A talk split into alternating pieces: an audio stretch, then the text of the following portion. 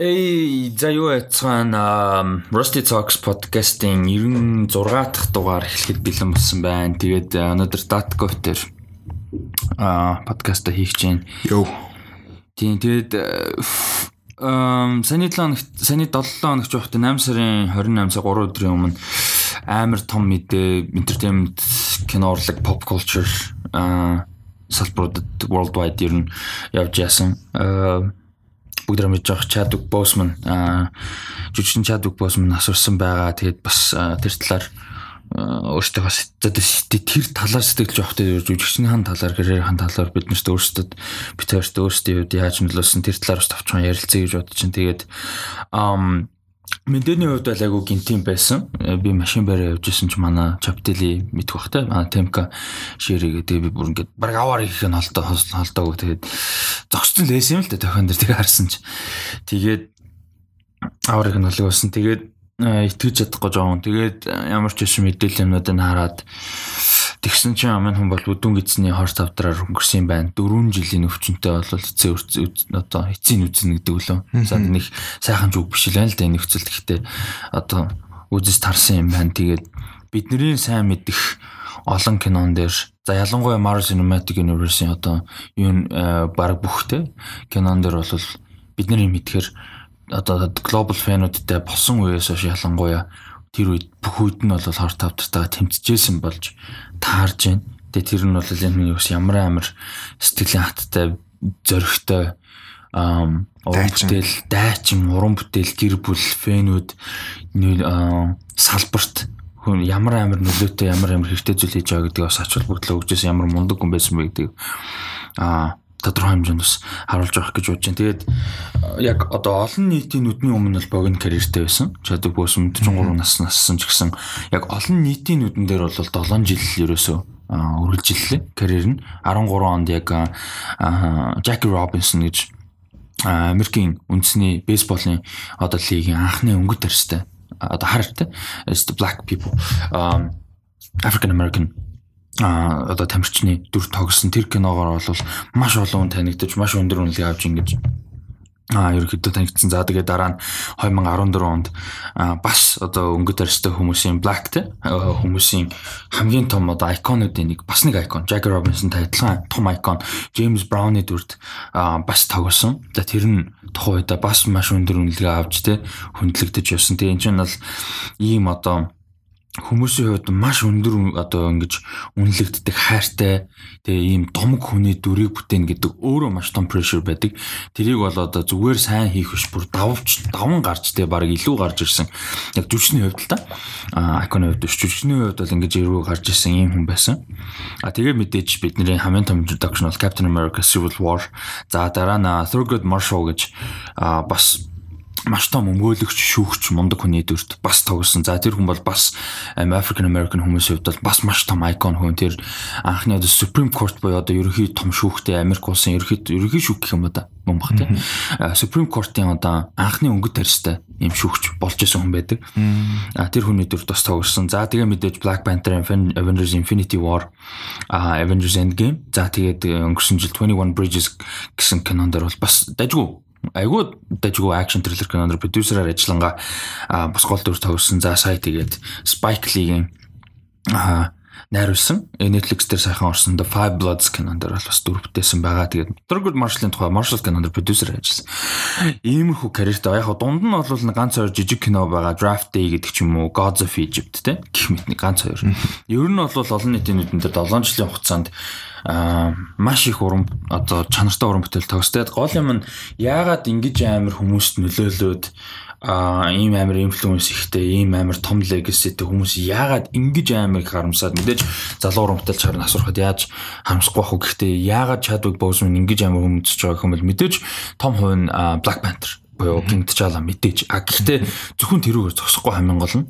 Тэрүүгээр зогсохгүй мань хүний хичээл зүтгэр дээр дайчин зан болвол бид нар а одоо хор тавдартай 4 жил тул одоо тулалдсан гэдгийг мэдхээс өмнө байсан зүйл хамгийн гол.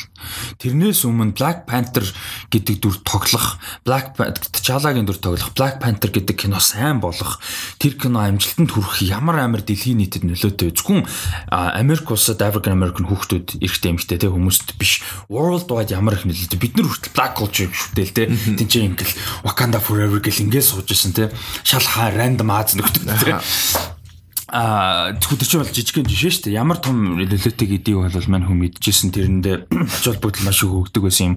а мундаг уран бүтээлч усны бол бүгд маш олон хүн бол мэдж байгаа. Тэг би бас хүмүүс санал болгомоор Guardian дээр орсон нилээ хэдэн гоё бас нэг тийм амар урт одоо байгаадах шаардлага тийм өвтэйхэн хөөрхөн нийтлэл постууд байгаа. Obituary гэдэг одоо яг зүгээр товчхон карьерийг тайлбарсан. За бас Life in Pictures гэдэг гой зургуудтай байна. Яагаад American Film Icon бэ гэдгийг бас тайлбарсан ийм гой постууд бас нийтлэлд орсон байсан шүү. Та тэгээд бас а сэтгэл гаргаад цаг гаргаад бас уншиж сонирхоорой гэж зөвлөмөр байна. А тэгээд нэг энэ чи а юуны Guardian-ы нэг нийтлэгт нийтлэгчийн үгийг quote хийгээд би ямар ч байсан Datco микрофон шилжүүлээ гэдэг болоо. Um энэ байсан The Man with Manifesto How Chadwick Boseman Changed Film Forever гэсэн нийтлэл байна. А тэгээ яагаад 7 жилийн хугацаанд цөөхөн хідэн кинонд тогсон мөртлөө те сайн ярьсан. Яагаад ийм амар нөлөөлөө гэдгийн талаар а ямар амар мундаг legacyтэй хүн байсан бэ гэдэг талаар орсон нийтлэл байгаа. Тэгэд энэ нийтлэл ихний үйлбэр надад бүр амар туссан л та. Тэгээд би яг мэдээж African American одоо black хүний хайжууд би нэг амар мэднэ гэж ярих юм бол хичүүртэй юм болно. Гэхдээ мэднэ гэж ярьж болохгүй зөвөр миний өссөн орчин ч яг өөрөө өссөн сонирхол юмнаас эхлээд black culture би амар хайртай. Зөвхөн зөвхөн black culture хипхопор тогтохгүй л. Тэ яг зөвхөн ер нь black culture, black icon хүмүүст би агай олон influence байдаг надаа юм хайртай бас culture төрөл одоо хүмүүс гэх юм уу тэ байдаг. А тэгээд тэгсэн Jin Coat амар надад тусалтай ихний өгүүлбэр нь. Chadwick Boseman began his career playing African American icons and pioneers. He ends it as one himself. Гэт бүр ингээ яг нөгөө зүрх рүү хотох юм гэдэг шиг зөвхөн дөрөн шиг юм амар гой мөртлөө юм хэцүү те. Сурсныг нь бодгоор ийм код байсан тэгээ миний хувьд Тэгээ сая манай нэг MMF-ийн бас бэлгүүн баяр нэг тийм амар бас амар жухтай нэг пост утсан байсан. Тэрэн дээр яг нэг чаддаг босонтой холбоотой тэгээ бас нэг хэлсэн юм нь юу юм бэхээр ингээд мань хүнийг ирээдүйд одоогийн нэг Morgan Freeman шиг те ийм байж л байдаг мундаг домог болсон жүжигчин те асар олон жилийн карьертэй. Магадгүй бидний хөшөрсөн нэр бидүүлээ хөшөрсөн анаа эргүүлээд харахад Black Panther те ямар амар байлаа гэж ярьдаг. Тэгэл ингээл хөгшин мундаг хүн байж л байдаг те. Ийм хүн болно гэж найдаж байсан ингээд яваад өгч юм бодсонгүй гэж утсан байсан яг тэрнтэй би бол бас яг уншсны дараа бол яг санал бол нэг байсан. Тэгээд чамааг бас ясны дараа яг карьерийн талаар нэмж ярилц. Тий, тэгээд тэг хагасан харчаад ихтэй амар итгээггүй. Бүр амар итгэхээ харахгүйсэн. Тэгээд дараа нь бүр ингээд хариугүй л гүдээ жоохон хуж үзээ тэгээд амар харамсалтай жоохон ялчгүй хүн дээр хүнд байсан амар тийм залуу хүн амар гой карьер дөнгөж карьер амар гой болж гой болж исэн ч байх амар мундаг. Тэгээд цаашаа амар олон юм үзэх байх гэж найдажсэн тэгэл. Стажикэн fuck 2020 2020 он бол үнэхээр стил шавхаж ин дөө үнэлээд Тэгээд э, надад амар мундаг. Тэгээд нөгөө ганц бас нөгөө өөрийнхөө жүжигчний одоо карьераас гадна бас ингээд э, гадуур өөрөө off screen гэдэг шүү дээ. Хүмүүст байнга тусалдаг. Тэгээ хүүхдүүд одоо канцертай хоор тавдартай хүүхдүүдтэй байнга очиж уулздаг. Тэгэд э, хүн болгон тэрийг нь дурж исэн. Яг нөө тэгэхэд угаасаа бүгдээ tribute маяг ингээд бичиж яхад нь уншихад бүгдээр дэлгэцийнхаа дэлгэцийн урлагаас гадуур амар мундаг хүн байсан. Тэгээд тэрийг нь магтаад баршгүй гэд тэгцэнэсэн. Тэгээд аа хамгийн одоо би 42-ыг үзчихсэн юм уу да нөгөө Jackie Robinson-ы талаар кино. Тэгэл тэр тэрийг үзчихэл оо дан ямар амар жүжигч юм бэ. Тэгээд дараа нь нөгөө Get On Up гэдэг нөгөө James Brown-ы киног үзэл Тэгээд Marshall Entry-г олон арай үзээгүй байна. Тэгээд одоо юу гэсэн тэгээд э, The Five Bloods-ыг үзнэ гэдээ бодож исэн. Тэгээд уг гарахт нь гэж бодчихсон байхгүй. Тэгээд ёо nice nice Chadwick Boseman нэг кинон тоглолцсон. Ойрт киног нь үзээгүйсэн юм гээд хаар баярлцсан явжсэн тэгэл. Тэгээд 4 жил хинч мдээгүй. Тэгээд хин Ryan Coogler энэ ч мдээгүйсэн юм бэлээ. Тийм яг би бодохдоо бол Feige ч юм уу яг бүр том продюсертэй хүмүүс л мэдчихсэн байх. Тэгээд NDA гар үсэн мосог зурсан байлгүй. Одоо non disclosure Тийм тийм байж магадгүй. Тэгэхгүй бол мэдээж тэд нар ч нэг даатгал матгал бол юм багш тэдэн тэрбум доллар хийж байгаа. Түүнээс биш бусад хүн бол мдээгүй л юм бэл. Тийм тэгээ хинт ч мэддэгтэйгөө тэгээд Тийм. Тэгээ саяхан бас нэг амар турцсан нэг зураг яваад исэн юм шиг байна л. Би тэрийг бол мэдээгүй. Тэр болохоор Instagram-аар 4 сард видео хийсэн байгаа. Тэгээ Jack Robinson-тай холбоотой өөрөө видео одоо л Instagram дээр байгаа. Тэгээ тэр болохоор амар турцсан. Тэгээ тэрийг яг хүмүүс тухайн үед нь юу гэж бодож исэн бэхэр нөгөө нэг дүр дүр доош гол турцсан байгаа. Тэгээ production зогссон хов нөгөө coronavirus тэр гэж л бодож исэн. Тийм дүр нэг бол бас зарим нэг хүмүүс амар санаа зовж мовсан нэг тийм мэдээж байсан байх гэдэг байсан гэдэг тэгзээс тэгээд Тэгээ анзаардгүй юм байна л да тийм хүнд. Тэгээд хамгийн гол нь залуу хүн гэхлээр залуугаар нь хүлээж аваад байдаг нэг нэг тийм юу ч тохиолдохгүй юм шиг. Одоо тэр нөгөө Коби Коби нас ахаас яг нэг юм хөл туссан ялчгаа. Тэгээд тэр чинь бас л залуухан байгаа шүү дээ. Тэгээд нэг тийм юу гэдэг үлээ монголч зуурдаар гэдэг лөө.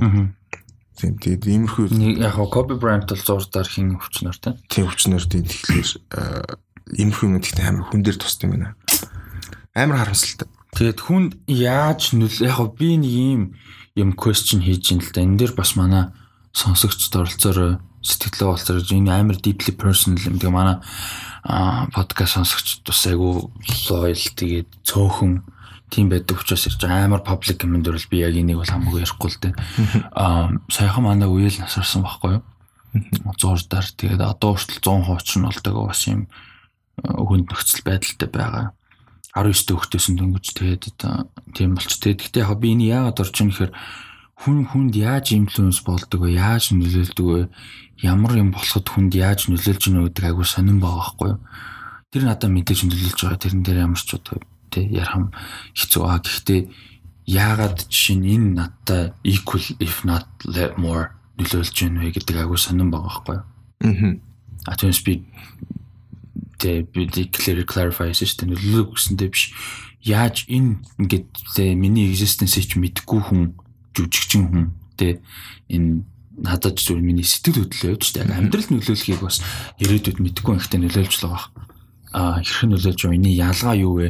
Энэ дээр question гарч ирж байгаа байхгүй. Би зүгээр өөрөө өөртөө question заримдаа окей би буруу approachтэй амьдралд ч юм уу те байгаад байна уу? Үгүй юу? Эсвэл үнэхээр олон нийтэд хүн бүтээл нь хурж байгаа, ажил нь хурж байгаа хүний инфлюенс гэдэг юм мундаг тий байгаад энэ хүнээс энэ хүний хийсэн юмнаас инфлюенс би аваад байна тий нөлөө аваад байна. Эсвэл сэтгэлд за инфлюенс шууд нөлөөнөөс гадна сэтгэлд ингээ өрөөд байна. Гэдэг нь if uh more if not equal day ингээд юм нөлөөлж байна гэсэн юм. Бас байгаад би тэрийг нэг тийм өөртөө жоохон ойрын хэд хоног бодож яаж явах тэр манай уйлдаг юм сайхан байсан болохоор. А бас тийм юм санаанд орж ин which is a weird question to ask. Яг юу гэсэн үг заавал хин нэг нь илүү дутуу байна гэх ёстой биш. Энэ надад нөлөөлж л бол надад нөлөөлж л байгаа it. Тэг нөгөө би яг бид нар зүгээр үед одоо гашуудлуу гашуудл байхгүй үед бол тоглоом хийдэг штэ найдах гэж байгаа болохоор холын мат нас нурснаас илүү харамсдаг энэ төр гэл. Тэг it's a joke but яг ингээд тийм нэг хоолын гэж юмш зүгээр яг чухал үед болоод ирэнгүүт заавал харьцуулалтаа бол биш. А гэхдээ зүр хувь хүн талаасаа би жоохон өөрөө өөртөө question хийж байгаа зүйл болж байгаа. Аа зүгээр тэрийг би хуалцъя гэж бодсон.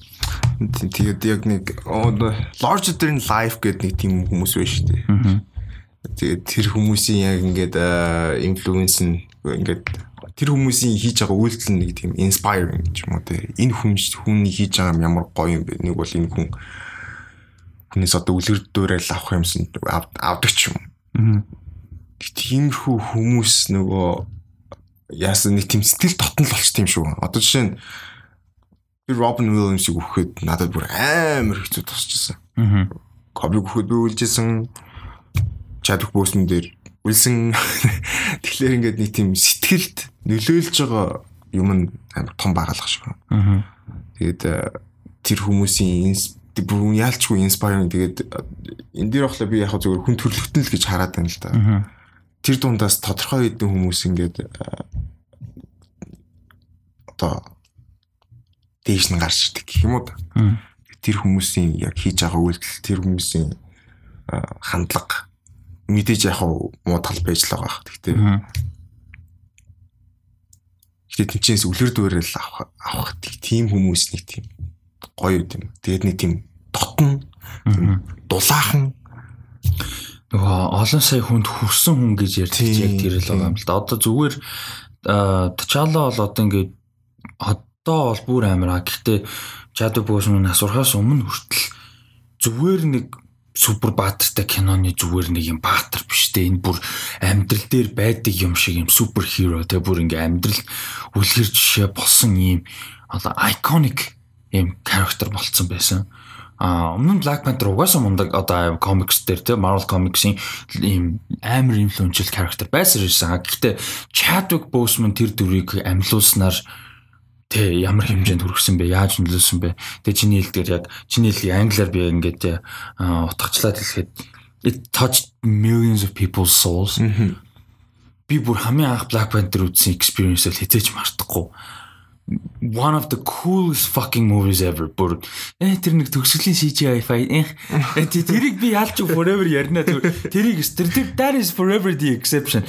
Тэгтээ oh my god тэ тэгтээ яг мэдээж тэр киноц ганц чаддаг хийсэн юм биш л тэ obviously зүгээр яг одоо ярьж байгаа зүйл нь чаддаг босм. Тэгээд um тэг яг. Oh my god fucking sorry. А тийм тэгээд айгүй харамсалтай бас нэг юм ийм амар мундаг, ийм амар олон хүнд хүрсэн гой жүжигчний ингээд эргээд хараа карьерийнх нь баг ихэнх киног үзсэн байна гэж ярих бас айгүй сайд санагдаж байна. Би сая чамаг цаа нэг тэр Marshall-ыг үзээгүйгээ би ингээд харлаа л та тэгсэн чинь Message from the King the Five Bloods хоёрыг л үзээгүй юм байна. Тэгээд одоо major гэж болох бүх киног юм би үзсэн юм байна л да. Тэгээд тэгэж хэлсэн чинь бас амар сайд. Өөрөөр хэлбэл яагаад вэ яг мэдээж карьер нь гоё га гэхдээ нөгөө талаас ингээд айгүй богинохон карьертай маш зөөхөн кино тогсно айгүй харамсалтай яг хуу 42 дээр Jackie Robinson олон танигдсан гэж ярьж байгаа. Гэхдээ тэр хүртэл бол мань хүн маш олон жил 10 гаруй жил телевизээр явсан. А тэгээ тэр үед бол одоогийн шиг TV Golden Age байгаагүй те. А, одоо CSI, ER, Law and Order, Murder гэл явж л байдаг. Тийм, тийм. Тэднэр дээр ингээд хөрхий жижиг жижиг ганц хоёр дөрв тэгэл ингээд 10 бараг 10 жил явсан. Тэгээ дээрэс нь а манүний тэр нөгөө нэг инфлюенс гэж ярьдаг зүйлүүдийн нэг бол мань хүн жүргшний карьер нь одоо Жак ялангуяа Жаки Робинсноор ингэж мундаг явахаас өмнө бол мань хүн а, багшилж исэн драмын одоо драма багшаар бол ажиллаж исэн юун дээр? Schomburg Center for Research in Black Culture гэдэг нэртэй юм газар Харлемд те Нью-Йорк те. Энд бол а багшаар ажиллаж исэн тэгэд чамнэр нь хүртэл байдаг юм билээ. Одоо яг одоо ингээд Black э, Chadwick Boseman гэхаар нөгөө одоо бас насраад э, юулээ хит он ч fuck 2 3 Гурав, хоног амар амар юм тий. Тэгээд энэ хоёрын хооронд айгүй олон пост юмнууд ороод бас дарагдсан баг. Гэтэ би яг ерөөсөө тэрнээс нь хэдхэн минутын дараа мэдсэн болохоор ингээд нөгөө нэг пост юм ингээ хайж чад бас айгүй ийм deeply meaningful comment юмнууд бас харагдчихсэн л да одоо тэр нь бол хамаагүй юм. Жишээ нэг нь Mahara Cinematics Universe гэсэн хуудас байлаа эсвэл Variety ч үлээ нэг тийм марчтай нэг тийм том хуудасууд дөнгөж зарсныхан доор нэг нь бичсэн байсан. Чи тэр хүн high school-ын багш гээд би ингээд Chadwick-ийн high school-ын science science багш нь байсан. Ингээд тэг хүү хүү 10 жилийн ахлах сургуулийн хүүхэд байхаас хойш юм бусдыгаа үлгэр жишээчлэлэл те. Ийм бусдыгаа гэсэн илүү ийм сайхан сэтгэлтэй genuinely тийм хүүхдүүдийн нэг байсан те. Тэгээд гоё юм суперстар болсныхаа дараа ч гэсэн холбоотой байгаад сургуультайгаа болнодтой баг ч гэсэн холбоотой байгаад тэр хүүхдэрээ байсан тэр гоё сайхан сэтгэлтэй Chadwick хിവэрэ байсан. Би 2 3 сарын өмнө ч лүүдээ нэг холбогдсон. Гэд бичсэн байсан. Тэгэд тэр бол харуулж байгаа бах те яг ингээд энэ хүн яг ямар хүн байсан бэ гэдэг. Ам тийм төсөөлөшгүй төсөөлөө төсөөлж байгаагүйгээс илүү хүн байсан гэдэг ер нь бол гэхдээ ингээд хүмүүсийн бичиж байгаа бүх ингээд унших тусам ингээд мэддэг. Ингээд хүн болгон тий ажилсан хүн болгондоо ингээд хүрсэн хүн баг. Бүгдээрээ хүндэлдэг, бүгдээрээ хайрладаг. Тэгээд мань үний бас жоохон back story ярихад мань хүн бол яг ахслах сургуулаа төгсч Harvard University төгссөн. Найруулагч юм тийм. Ер нь бол өөрөө дэлгэцний урд хийсэл камерын ард байх сонирхол бол байсан залуугаас. А тэгээд ямар санда сүүлд ер нь продюсинг карьераа нэлээд хөгжүүлж исэн. Одоо тэр Marshall 21 Bridges, The Message from the King кинонууд тэр бүгдэн дээр нь продюсер ажилласан. А тэгээд мань хүн бол явж байгаад багш нь ерөнхийдөө мань хүнд үлгэр жишээ болоод туслаад юу яасан? Том нэлээд том одоо нэг тэтгэлгээр суралцах бас юм юунд бол програмд бол зуны програмд те тэрний хөрөнгө оруулалт одоо сайн санааны нөгөө хандуун Дензел Вашингтонаас гарч ирсэн. Тэр багш нь өөрөө нөгөө нэг бас бас нөгөө жүжигчний сургуульд багтай Дензел Вашингтонтай нэг ангид байсан найзууд одоо бүр залуугийн юм найзууд байсан. Тэгээ Дензелээс бол гуугаад за тэгээ Дензел Вашингтон туслаад болвол мань хүн тэр нууцаар гэдэг. Тийм нууцаар. Тэгээ дараа нь ямар санда мань хүн ингээд нэлээд од усны дараа Дензел Вашингтон тоглоод Black Panther тоглосон баяр хэдтэй миний мөнгө гэх бас жоок хийсэн байт юм байл тоглоомор. А тийм иймэрхүү ерөнхийдөө те black culture-т ямар амар нөлөөтэй black гэлтгүй worldwide pop culture-т ямар амар нөлөөтэй хүн бэ гэдэг бол ойлгомжтой. Тийм спортод амар нөлөөтэй. Одоо жишээ нь сакс эхлэхдээ tribute үзүүллээ.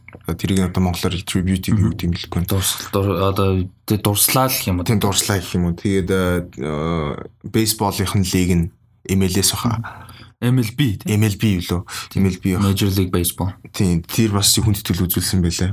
Тэгээ Lewis Hamilton Lewis Hamilton tribute хийлээ. Сая Pierre-Emerick Aubameyang а community shield дээр Liverpool-ээс гол хийчихэд бас тэр бас айгуу сонирхолтой. 17 или 8 он маань хүн чинь Arsenal дээрснийхаа дараах Liverpool-ээс гол хийчихэд үзэгчдийн сандлаас нөгөө нэг найз нь ч юм уу хин чинь нэг тийм маск бэлтцсэн.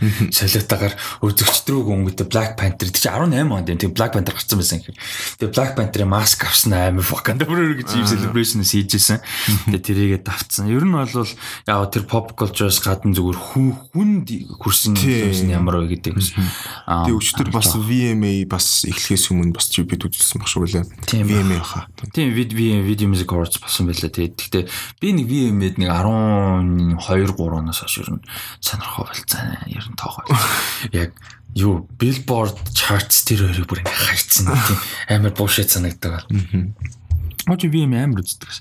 Тийм тэгээд ер нь бол нөлөөсөн хүмүүс зөндөө байгаа. Ийм мундаг уран бүтээлч байна. Тэгээд тавсан кинонуудаас нь бас тавчхан яри. Надаа айгу сонирхолтой яг би ихэнх киног нь үзэхэд сул кино байгаа л да энэ цөөхөн of Egypt гэж байгаас жоохон хэцүүхэн кино бас байна. А гэхдээ одоо ингээд эргээд хахад бас магадгүй тэр киноны хөрөн мөнгө гэр бүлтэн ч гэсэн нэмэр болсон болов уу гэж одоо бодох юм да. А тэгээд энэ жил энэ жилийн ихэр одоо олон жил хамт байсан партнертай гэрэлсэн бэлээ. Яг нь privately айгу ер нь зөвхөн одоо энэ нөгөө нэг өвчин ч юм уу эсвэл тэр гэр бүлийн амьдралаас гадна ер нь залуугаасаа одоо тэр нөгөө телевизийн карьераар ч гэсэн хөөгд явж байхдаа багш байхдаа ч гэсэн одоо тэгээ карьер нь боо яваад ихсэн хонооч гэсэн маш personal хүн байсан гэдэг юм байлаа. Тэгээ айгуу сонин юм paradoxical юу вэ гэхээр маш personal deeply private тэ хувийнхаа талаар юу ч ярьдаггүй хувийнхаа мэдээлэл одоо хувийн хүнийхээ тал ингэж нэг дэлгээд байдаггүй тэ мөртлөө emotionally available хүн байсан гэж аахгүй хүнд ингэ сэтгэл зүй талаас нь хань болох тусдим болох тэ сонсдог чих болох зөвлөх ингээд тэр талаасаа билээ ийм хүн бол байсан гэж ярьдаг юм байлаа. Аа тэгээд айгүй хавд тэгэд залуу хүн болохоор илүү мэдээж харамсалтай тэгээ хүмүүс нөлөөсөн болохоор айгүй харамсалтай байна. Тэгээд аа тийм ямар ч үсэн юм байна. Тэгээ кинонуудын хувьд бол анх би юуг үдчихсэн а яалтчгүй. 42-г айгу олон айгу олон жилээс би 13 онд л үзег бодлоо яриад яг 15 Civil War-аас өмнө үзсэн. Трейлер мэлэр гарахаас өмнө бол яалтчгүй үзсэн. 15 онд баг. Тэгээд ямар ч юм юу яж исэн Black Panther анх каст боллоо гэж зарлж хахад 42-д тогсон гэд яриад тэгээд үзчихсэн санагдчих шүү. Тийм анх хэзээ? Бодвол 15 онд л зарсан байлгүй. Тийм тэгээд ам амар таалагдчихсэн айгүй emotional сайн кино.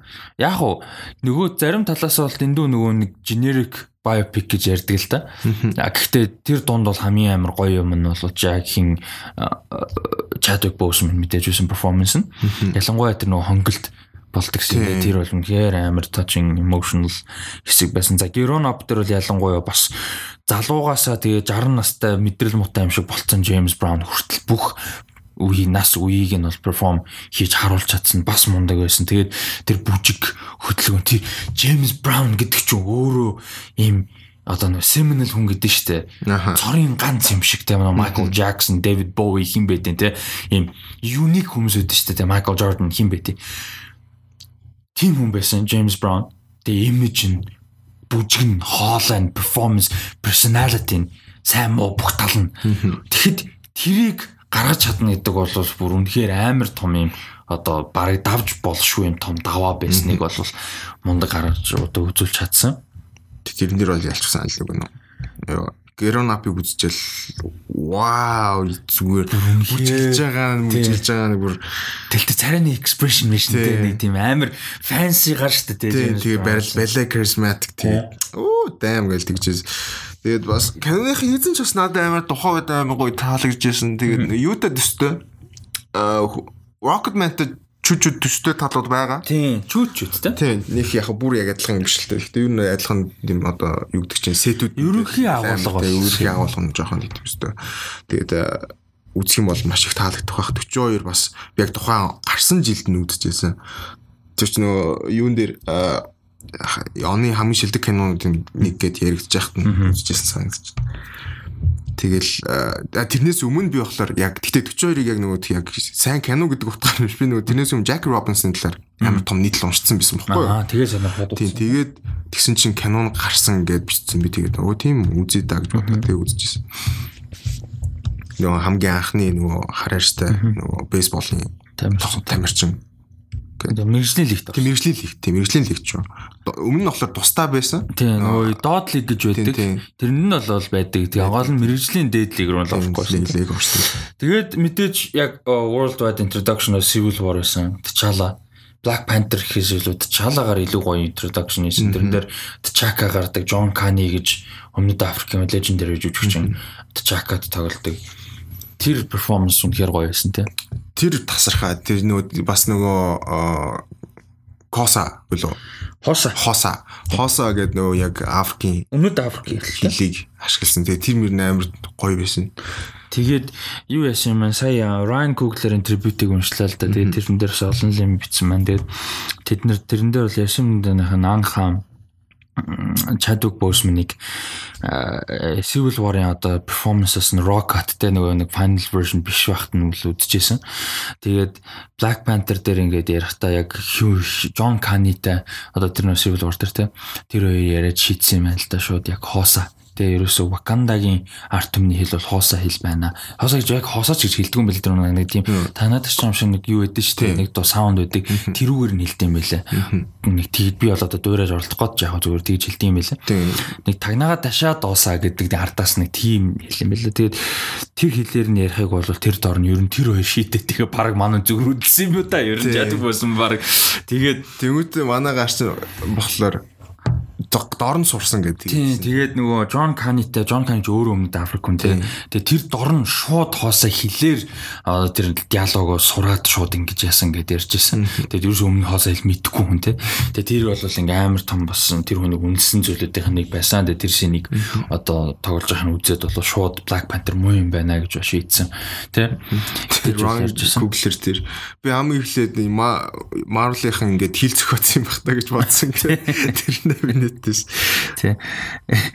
Coogler ядж чад өөрөө айгу хэцүү айг дуу аялахтай ярьдаг тий. Аялах гэж тий ярьж байгаа байдал нь байдал нь ч ингээд нэг тийм амар undertone-тэй бүтэн хоолоогоо гаргахгүй байгаа юм шиг тэгэнгүүтээ амар хурдан тэг үг болгоно нь хоорондоо зураастай ингээ юм шиг. Тий, тий, тий, яг exactly тий.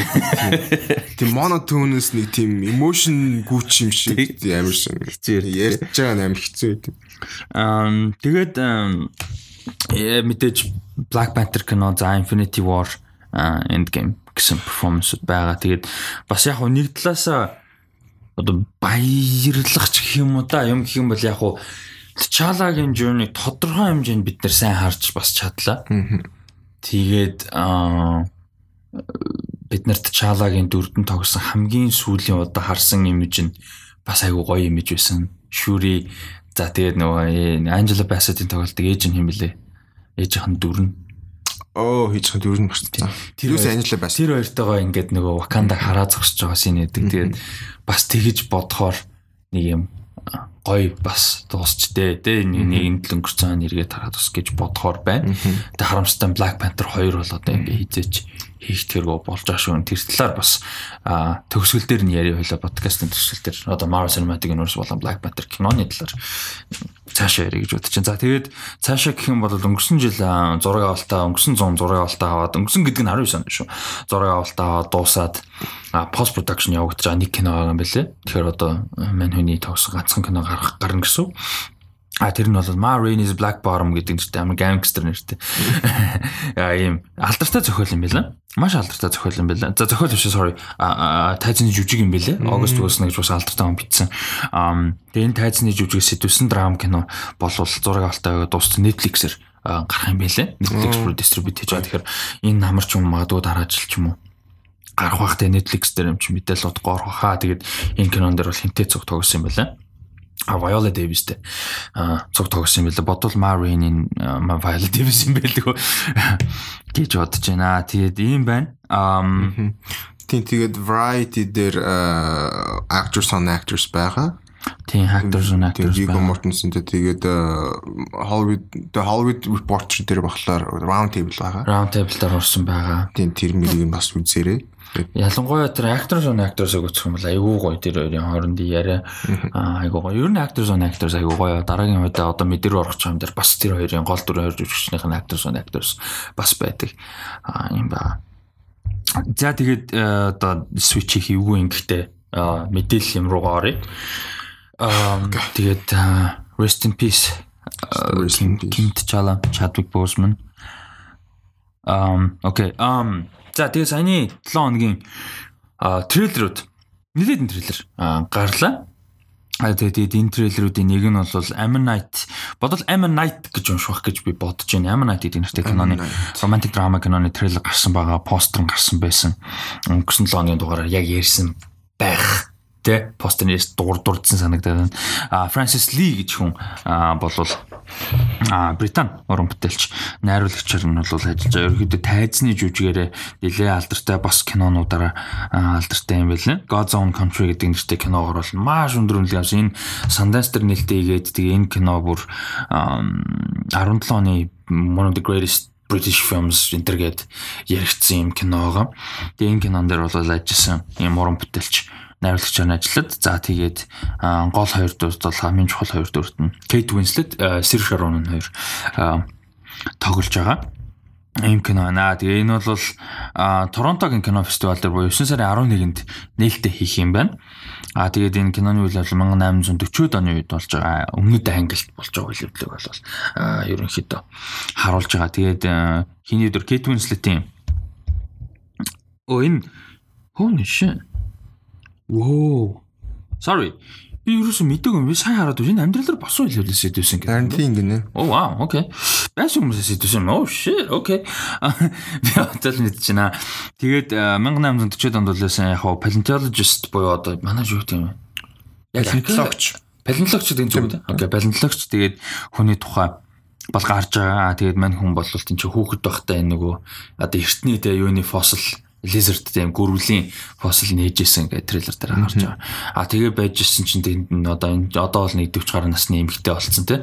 Ингээд дэлгүүр ч юм уу юу ч юм те нэг юм ажилуулад байжсэн чинь нэг залуу их нэртэйгээ залуу их нэртэйгээ орж ирээд а туслаач гэдэг жаа тийм.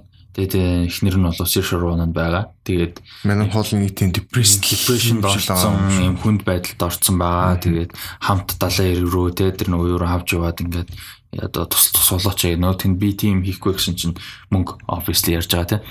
Тэгээд тэнчнээс үүсч байгаа романсыг бол гаргасан юм трейлер байсан. Чамд ямар санагдав?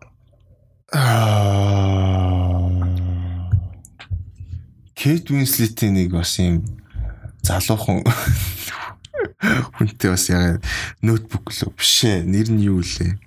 Тийм кино. Тэрнтэй амар Revolutionary Road л а биш тийм пикап. А the the the something the book биш. The бүгжүүлүү харин ганы тиймэрхүү нэг the the reader. Аа reader тий тий тий. Тэр чинь бүр 12 жил юм. Тий. Тэгэхэд чинь ч манай хүмүүс Юу юу тэр Кейт Уинслет 32 байсан юм шиг. тий юм. Юу юу залуу хүмүүс угаасаа л амар залуу байсан. Өөрөө ч амар залуу л байсан юм шиг. Одоо дөнгөж одоо ч залуу Тэгээ одоо ч залуухан юм байна л т. Тий.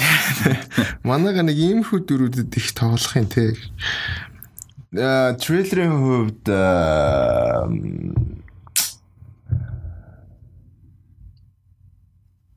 Тэстэ хэлж мэдэхгүй байна. Үз тэр юу ч үзье гэж бодсон. Э, Трейлерийн хувьд бол яг хуу тэр ажлыг бол сайн хийсэн санагдсан. Ямар сонирхолтой interesting.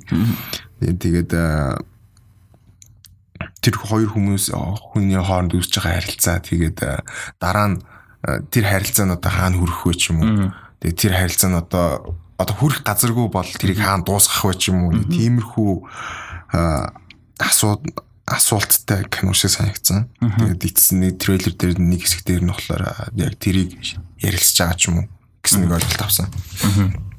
Тэгээ чиний чиний чин- ча- чамд чиний чи яах вэ? Тэгээ би яах юм бэ гэсэн нэг тиймэрхүү асуулт би яг юу гэж хэлсэн бэ гэхдээ яг үнэн А тийм тэрэн дээр бол яг хин Сишуроны дүр хуучин амьдрал руугаа би буцмааргүй Аа, байна гэсэн юм шин. Тэгээ тэрэн дээр Кейт Уинслет миний хуучин амьдрал тэгвэл яаж байгаа юм бэ гэсэн. Тийм. Юм хэлсэн байсан.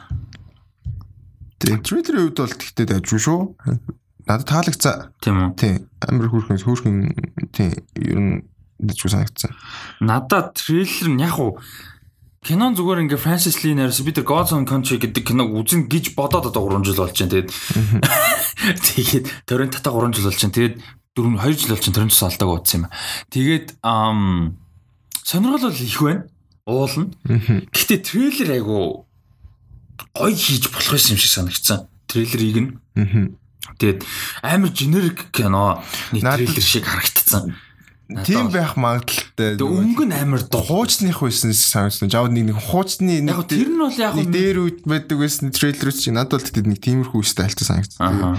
Yeah, kind of felt like oh. Тэгээд нэг тийм айгу өнгө муутай кино. Яг албаар шүү дээ англи ч өөрөө бан дандаа бороо орж идэг. Тэг өмнөд англи гэхээр тэгэл нэг далайн хэрэг тэгэл амар бороотой уйтгартай үлдээл байх л та.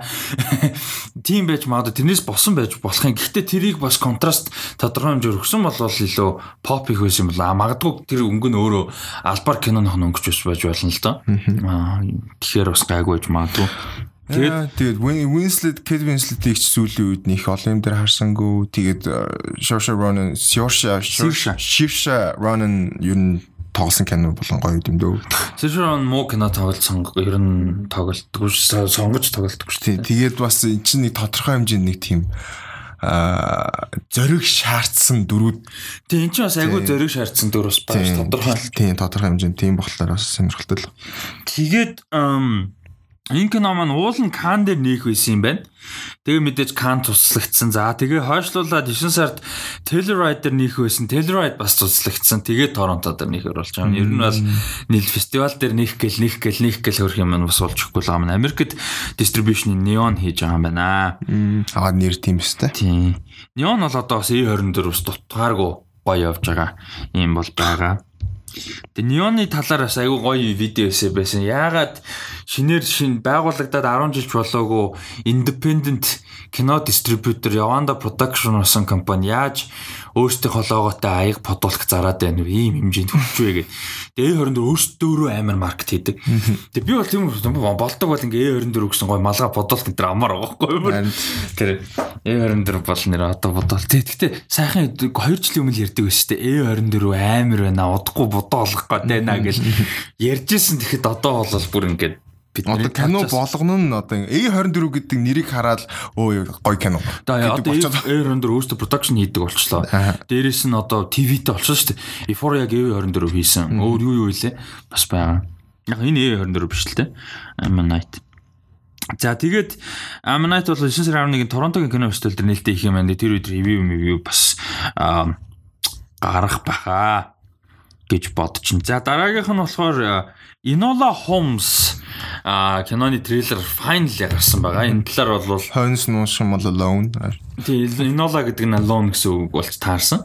Тэгээ Enola Holmes-ийн анхны мэдээлэлээс ахуулаад битээр бол ер нь тогтмол апдейт өгөөд явж байгаа. Тэгээ Enola Holmes кино 9 сарын 23 Netflix дээр бол орно. Millie Bobby Brown, Sam Claflin, Henry Cavill Cavill, а Helena Bonham Carter нар тоглосон байгаа. Тэгээ Helena Bonham Carter болохоор Minecraft Sherlock хоёрын дүүгийн дүрд тоглосон зөв тий. А биш дүү биш ээж ээж нэ тий. Хиний Minecraft-ийн Minecraft тэгээд Sherlock Enola 3. А Helena Bonham Carter ээж. Ээж нь. Тэг гурвыг нээж юм уу? Тий. Үгүй тийм байж биш байж магадгүй. Зүгээр өө аав нэгтэй аав нэгтэй ээж өвчтэй шүү. Нэг бол ээж нэгтэй аав. Тэгвэл би Helena Bonham Carter-ыг Henry Cavill-ийн ээжээ тоглож ирсэн гэж бохгүй байхгүй. Үгүй гэхдээ нөгөө хоёр нь болохоор ээж гэж байгаа байхгүй. Тэгэхээр нэг бол аав өөртөө ээж нэгтэй байх. Хан тийм байж магадгүй. Helena Holmes гэхлээр чинь тэгэхээр чи аав нэг болох гэдэг байгаа байхгүй. Бүгдээрээ Holmes яг second wife нь байж болно л доо. Аавынх нь тэгээд мэдээж овг нь гэж. Одоо чи Minecraft-ийн хоёр хойд ээж нь л хгүй Sherlock хоёр. Тэгээд тэрийг мэддэг хүмүүс гоё сэтгэлээ хуваалцаар мэд бас уншижсэн хүмүүс байгаа бах. Sherlock Holmes-ийн story, Arthur Conan Doyle-ийн story. Тэр одоо уншиж байгаа болохоо сайн мэдхгүй. Гэхдээ би бол яагаад Children of Bonham-ийг хиний ээж ижрээ. Henry Cavill ээж иж л гарч чадахгүй. 54-тэй. Тэгэхэд Henry Cavill ч одоо 37 таах. Окей, fine 16 төрөөс. Гэхдээ зүгээр харахад тэр хоёр чинь ингээд адилхан баг харагдаж байна. А за тэр трейлер яа чамд ямар санагдав? трейлер уу фан хөгжилтэй ер нь тийм өнгөлөг хөөрхөн харагдчихлээ. Тэгтээ яг бас нэг тийм generic хөөрхөн байх магадaltaй. Нэг тиймэрхүү нэг тийм юу мөрчимдээ хүмүүсийг ингээд нэг тийм одоо стилийг нь хөргсөн нэг тиймхүү трейлерүүдийн нэг тийм тиймхүү байх байд юм а ялцч юу. Аа гэхдээ юу Millie Bobby Brown гэхдээ амар хөөрхөн харагчлаа амар тийм. Ийм кинон тоглож байгаа гэсэн чинь damn nice. Яг ч нөгөө юунаас гадуур юу н хараагүй болохоор Stranger Things юу н гадуур нэг олон Godzilla дээр нэг гартун да тэгээд тийм. Godzilla дээр бэдин гэхдээ би тэгээд яг үзнэсэн санахгүй. Тэгээд яг өөрөө бас гол дүрн гээд иймэрхүү кино тоглож байгаа бол амар гоё. Тэгээд угаасаа аа Sherlock Holmes гэдэг бидний бүгд эрэл мэдж байгааг амар ч олон кино үзэн цувруулж үзсэн. Тэгэхээр бас нөгөө дүү, эмхтэй дүү бас болон тэгээд бас тэр нөгөө mythology гэж байгаа штэ. Тэрийг нь бас ингэ өрсөж байгаа талаас нөгөө бас өөр талаас нь харуулж байгаа болохоор надад бол амар хөвгөлтэй л байгаа. Үзэхэд бол амар гоё анах гэж боддог. Гэтэ нэг тийм надад бол яг ингээд трейлер нь үзэхэд бол яг юуг санагдсан мэхлээ weekend-ээр гэр бүлэрээ суугаад үзэх кино шиг санагдав. Надад айгу амар фан харагдсан. Тэр нөгөө нэг нөгөө Force Wall гэж ярьдаг шууд үзэгчдрүү камерлоо харж хандаж яриад тэгэл тэр нөгөө Sherlock дээр амар анхаарал хандуулахгүй гэхдээ Henry Cavill те мундаг бас A-list жүжигчин тодорхой хэмжээний popular жүжигчин тоглосон гэдгээ анхаарал өнгөө Enola-гаас анхаарал татахгүй холдуулахгүйгээр трейлер хийсэн бол амар санагдсан. Надаа нэг mystery мөртлөө ийм гоё fun adventure амар гоё санагдсан. Тэгээд Millie Bobby Brown бүр амар гой таарсан юм шиг харагдсан надад бүр яг. Амар exciting adventure тэгэл ийм colorful тэгээд бас амар нэг баярсан юм нь юу байсан бэ гэхээр за Helena Bonham Carter яг British accent-аар бид нар зөндөөс Henry Cavill Millie Bobby Brown хоёр яг өөрсдийнхөө accent-аар яг ярих боломж олгож байгаа надад амар гоё байсан. Henry Cavill англи шүү дээ бид нар нэг мэддгүй болохоос ш. Тэгээд дандаа American accent хийдэг. Тэгээд Millie Bobby Brown ч гэсэн уулын British. Тэгээд Испани хэлтэй Барселонад төрсөн. Тэгээд мань хүн ч дандаа American accent хийдэг шүү дээ. Тэгмэд энэ хоёр яг яг өөрсдийнхөө жинхэнэ British-тэй яг өөрсдийнхөө акцентээр шууд ингээд дүр бүтээх боломж бас гарч ирж байгаа надад ингээд хүмүүс төрөх боломж байгаанаас айгүй гоё санагдсан. Тэр аим гоё шүү дээ. Тэг яг тэр Henry Cavill яг British амар гүйлдэг байхгүй. Maybe Bobby Brown ч гэсэн яг ингээд интервью интервью үзэх бүр амар гоё байдаг. Яг нэг тийм genuine British accent ч угаасаа гоё дээ. Тэгээ тийм болохоор надад бол айгүй гоё санагдаж байгаа. Тэгээд энэ бол Homes 9 сарын 23-нд нэг. Тэгээ Minecraft болохоор тхий хамгийн том юм байна л да. Гэхдээ аа Minecraft юм да. Аа. Sam Claflin хиний ах вэ? Kevin ах вэ гэхэлэр бас сонь. Дүү мөртлөө юу? Нэг хоёр дүү дүү мөртлөө харин тий. Ах нь болж тоглож байгаа гэхэлэр бас. Гэхдээ харангуут дүү нь байх хэрэгтэй. Яг бас ахалтай. Яг дүүр нь гэхдээ нэг олон насны зөрүүтэй биш юм гот. Тийм л. Ямар санд тэр нөгөө юу байдаг вэ штэ? Хин Максон Сидов тоглолоо. Биш Кристофер Пламер шүү дээ. Тий. Аа юу тоглосон? Knives Out. Аха. Тэгээд нөгөө Knives Out дээр Кристофер Пламерын дүрийнх нь ээж нь имээ гадсан шүү дээ. Аха. Тэг чин Кристофер Пламераас хэд их хичгэлээ. Like 4 тавчлаа дөнгөж 10 марвчлаа гэж гэсэн чинь ээжийнх нь тоглолтой. Тэрэн шиг. Тэг трейлер үед бол амар хөөрхөн харагдчихлээ ялтч амар фан. Тэгээд Millie Bobby Brown бол э, ер нь бол харахад бол амар having fun амар тийм өөр тийм дуртай зугаатай тэг сетэн дээр амар тийм хөгжилтэй тиймэрхүү махин л харагдчихлаа. Аа. Тэгээ манаагаар тэр Oh shit. Кристофер Пламераас 6 дүү юм бэ ээжтэй тоглосон. Тэгээ бүр 6 дүү хүн ээж тоглолцсон жах шиг тий. Тэгээ тэгээд тэр нөгөө би ах нараасаа нуутах ёстой гэд би тэгээд хамгийн сайн тэг нуутахын тулд юу болох ёстой вэ гэсэн чи эмгтэй Амар леди эмэгтэй л- леди болсон чинь окей за дүр нь бол тэ амар tomboy тэ бүх юм like өөрийнхоороо тийм л ах юм байна. Тэгснэ нөгөө Minecraft энэ нөгөө буусна тэг чи леди шиг биш үү ингээ уурлана. Тий. Аа за тэгээ энэ бол Holmes 9 сарын 23-нд Netflix дээр аа орох юм байна. За дараагийнх нь болохоор яг бүтэн трейлер бол биш гэхдээ teaser байгаа. Товчон teaser 10 сарын 23 Netflix дээр орхоосон The Queen's Gambit гэдэг нэртэй аа цуврал бол байгаа. Тэгээ энэ цуврал болохоор хэн гол нь тоглосон? Anna Taylor Anya Taylor-Joy а тоглосон мини series байгаа. Богино хэмжээний зурвал. Anya Taylor-Joy бол тоглосон. Тэгээд 8хан эпизодтай байх юм байна. За жаараа. Би зүг харсан 8 эпизодтай. За тийм юм 6 sorry 6 юм биш үү. Тийм. 6 эпизодтай гарах юм байна. Netflix дээр The Queen's Gambit драма цуврал. Тэгээд Anya Taylor-Joy гол дүрдэн тоглож байгаа. Тэгээд туслах дүрээс хүмүүс мэднэх юм бол Thomas Brody Sangster бас байгаа юм байна. Нөгөө чүргэр өндөр нөхөр өгдөг шүү дээ. Нөгөө Maze Runner манар дээр тоглодог. Бас хөөрхөн айгуу тийм гой жүжигч шүү дээ. А тэгээд хин бас байгаа. Ойрд айгуу их дурддагдаад яваад байгаа. Harry Melling нөгөө Old Guard дээр сая тоглолоо. Waiting for the Barbarians дээр тоглолоо. Нөгөө Dudley Dursley-гаар нь хүмүүс мэднэ. А тэгээд юун дээр бас байгаа. Нөгөө Devil All the Time Netflix-ийн аа Том Холландтай тэрэн дээр бас байгаа. За тэр нь энэ нөхөр Netflix дээр overall гэрээ ийдсэн байлгүй. Харин тийм ер нь Devil All the Time. Old Guard тэгээд Queen's Gambit яг Netflix-ийн 3 юм дээр явж байгаа юм. А за тэгээд Queen's Gambit нь болохоор аа 18 1983 онд хэвлэгдсэн юм юу юм байна? Аа зохиол юм байна. Тэгээд энэ зохиол нь болохоор энэ э, шатрын одоо юм Prodigy гэдэг ч одоо юу гэх юм бэ? Ирээдүйтэй зүгээр ирээдүйтэй бүр нэг юм хүүхдүүд байдаг штэ жоохносоо бүр ингээд юм цоорцсон тий тийм одоо шатраар тийм цоорцсон одоо жоохон хүүхдийн хүүхдийн тухай гарах юм байна. А тэгээд 8-аас 22 хүртэлх насных нь а одоо юуг бол харуулах юм байна л да. Тэгээд шатрын гранд мастер болох зорилготой. тийм тэр хоорондоо тэр замыг нь зам бол харуулж байгаа юм. унж байгаа өсөж байгаа Тийм. тий Тэгээд diction diction доороод ах шиг байлаа шүү дээ трейлер дээр бол Тийм тэгээд тэрийг бол харуулах юм байна. Тэгээ Ани Тейлор Жой надад айгүй юник санагдаад байдیں۔ Энэ шин залуу жүжигчдээс юу гэхээр амар юм амар юм гаднаас орж ирсэн гэх юм уу? Like одоо Disney-эр ч юм уу, Nickelodeon-оор ч юм уу гарч ирж мэрээгүй тий. Ингээд юм маань үгүй Аргентин төсч юм өссөн. Тэгснэ англи гаралтай. Ингээд ийм American passport ингээд ийм амар international хүн шүү дээ маань ч өөр. Тэгээд ийм The Witcher гарч иж. The Witch ч өөр indie production англи те. Ингээд ийм old English ярьж мэрдэг. Тэгээд ингэж амар гарч ир. Тэгээд нэг ийм одоо жишээ нь за за хин юм дээ. За Selena Gomez ч юм яха илүү дуучин л да. Өөр хин байдیں۔ Нэг юм clean image-тэй хүүхдүүд гарч ирчээд тэрнээсээ adult одоо юм перформанс юм руу шилжиж байгаа. Ядаа зэндээ жишээ нь хэцүү байдэн штэ амаргу Euphoria дээр амар эвтэйхэн гой switch хийчлээ л дээ.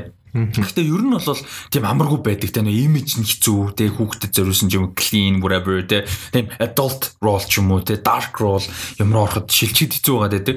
А Ани Taylor Joy анханасаа ингээд ерөөсөө тийм фильтргүй зүгээр бид нар залуухан тинейжер хүүхдүүдийг харж байсан ч гэсэн перформанс нь эргэн тойронд байгаа кино нь өөрөө тийм биш те. Ийм dark ч юм уу амар хүнд ч юм уу амар фильтргүй ч юм уу. Тийм байгаа яваа одоо тэр Toro Braids Meds гэх те амар кино дөө штэ split мэд тийм болохоор одоо ингээд ийм кинонд амар adult те ингээд idea та adult гэдэг нь заавал хүмүүс нэг тийм R rating нөгөө sex юм гэж ойлгох шаардлага байхгүй зүгээр adult role те drugs addiction depression те хүний урам тамхи хүртэл татах те энэ чинь ингээд ийм version руу ингээд performance нь шилжчихэд амар seamless байгаа байхгүй. Damn make sense. Анид тэгээ тийм болохоор миний хувьд бол Ани Тейлор Жой бүр одоо яг шинэ гарч ирж бүр хамгийн favorite ч биш тийм нэг тэгээ явах дижлээ эмо бүр амар гоё байсан бүр амар гоё тэр мань үний хамгийн clean стил нөгөө нэгс минийс яриад байдаг clean performance үүтեղ нэг тэгээд нөгөө нэг нэг тийм зүгээр л А тэг no pun intended гэхдээ pure joy кинонууд байдаг шүү дээ. Яг тийм кино. Яг Эма зүгээр л юм гоё. Зүгээр л амар гоё кино зүгээр юм positive юм гоё. Зүгээр чаав clean image-тэй байж байгаад амар тийм хөврөх хэцүү гэсэн. Нэг бол зүгээр цөм зөхөө гараад ирж болж нэг бүх юм нөөшлөө Miley Cyrus маань шиг хүмүүс. Гив гинт байжсэн за за өөрчлөж шүү дээ. Тийм бас байж болж байна гэж. Тийм. Нэг бол бүр overall career-ийн турш амар гоё evolution хийж явсан хүмүүс шүү дээ. Яг жүжигчин биш ч гэсэн яг жүжигчин их гэж бэлдсэн л дээ. Taylor Swift шүү дээ.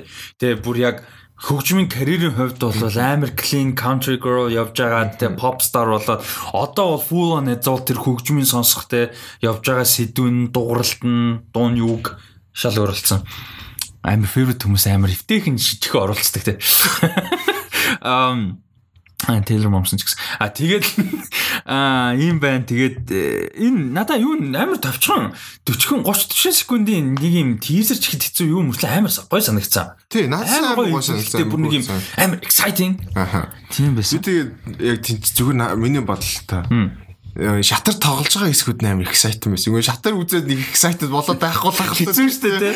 Тэгээд гэхдээ тэр хэсэг нэг тийм зэвүүн те.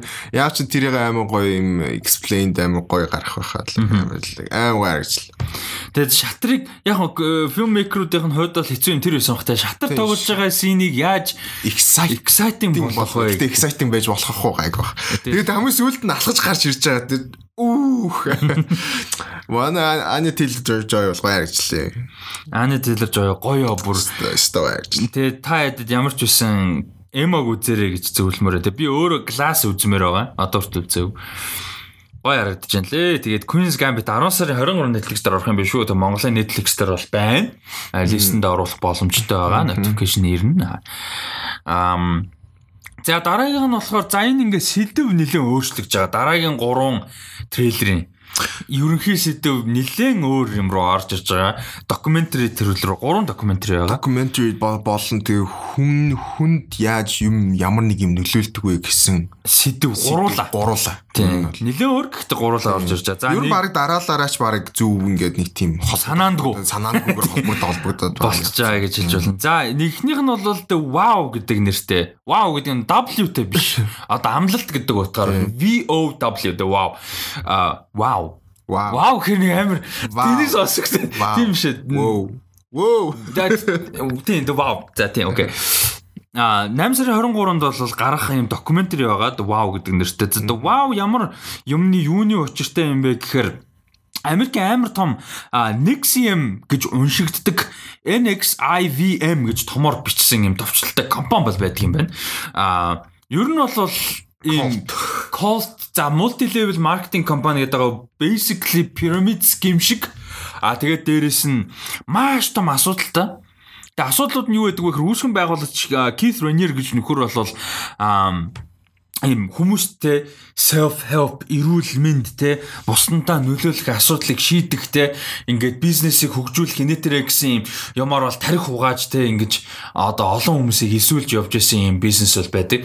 А тэгээ эцэст нь юу болсон бэ гэхээр 18 онд бол амар том хэрэг болоо гараад явсаар байгаад бол маш том cult гэдгийг нь бол яг бүр legally илрүүлсэн. А тэрнээс өмнө маш олон жил бол яригддаг байсан cult гэдгийг нь бол а тэгээд мань хүн бол юу яасан? Ял авсан юм байлаа. Аа. Тийм. Аа Кит Ренер бол ял аваад тэгээд ер нь бол маш олон одоо эмгтэй гişүүдийн бэлгийн дарамт за бүр хүчин тэгээд заримдаа бол одоо ийм sexual slavery гэж хүслэрж байгаа. Одоо өөрөөр хэлбэл ийм энэ компанид бүртгэгдсэн гişүүнээр орсон эмгтэй одоо гişүүд бол амлалт одоо өгдөг тий одоо хизээч цаашаа мэдээлэл хураалт хуваалцахгүй гэдэг ч юм уу тий ингэн тэгн хийсний хийн минь нэ дээр гэсэн.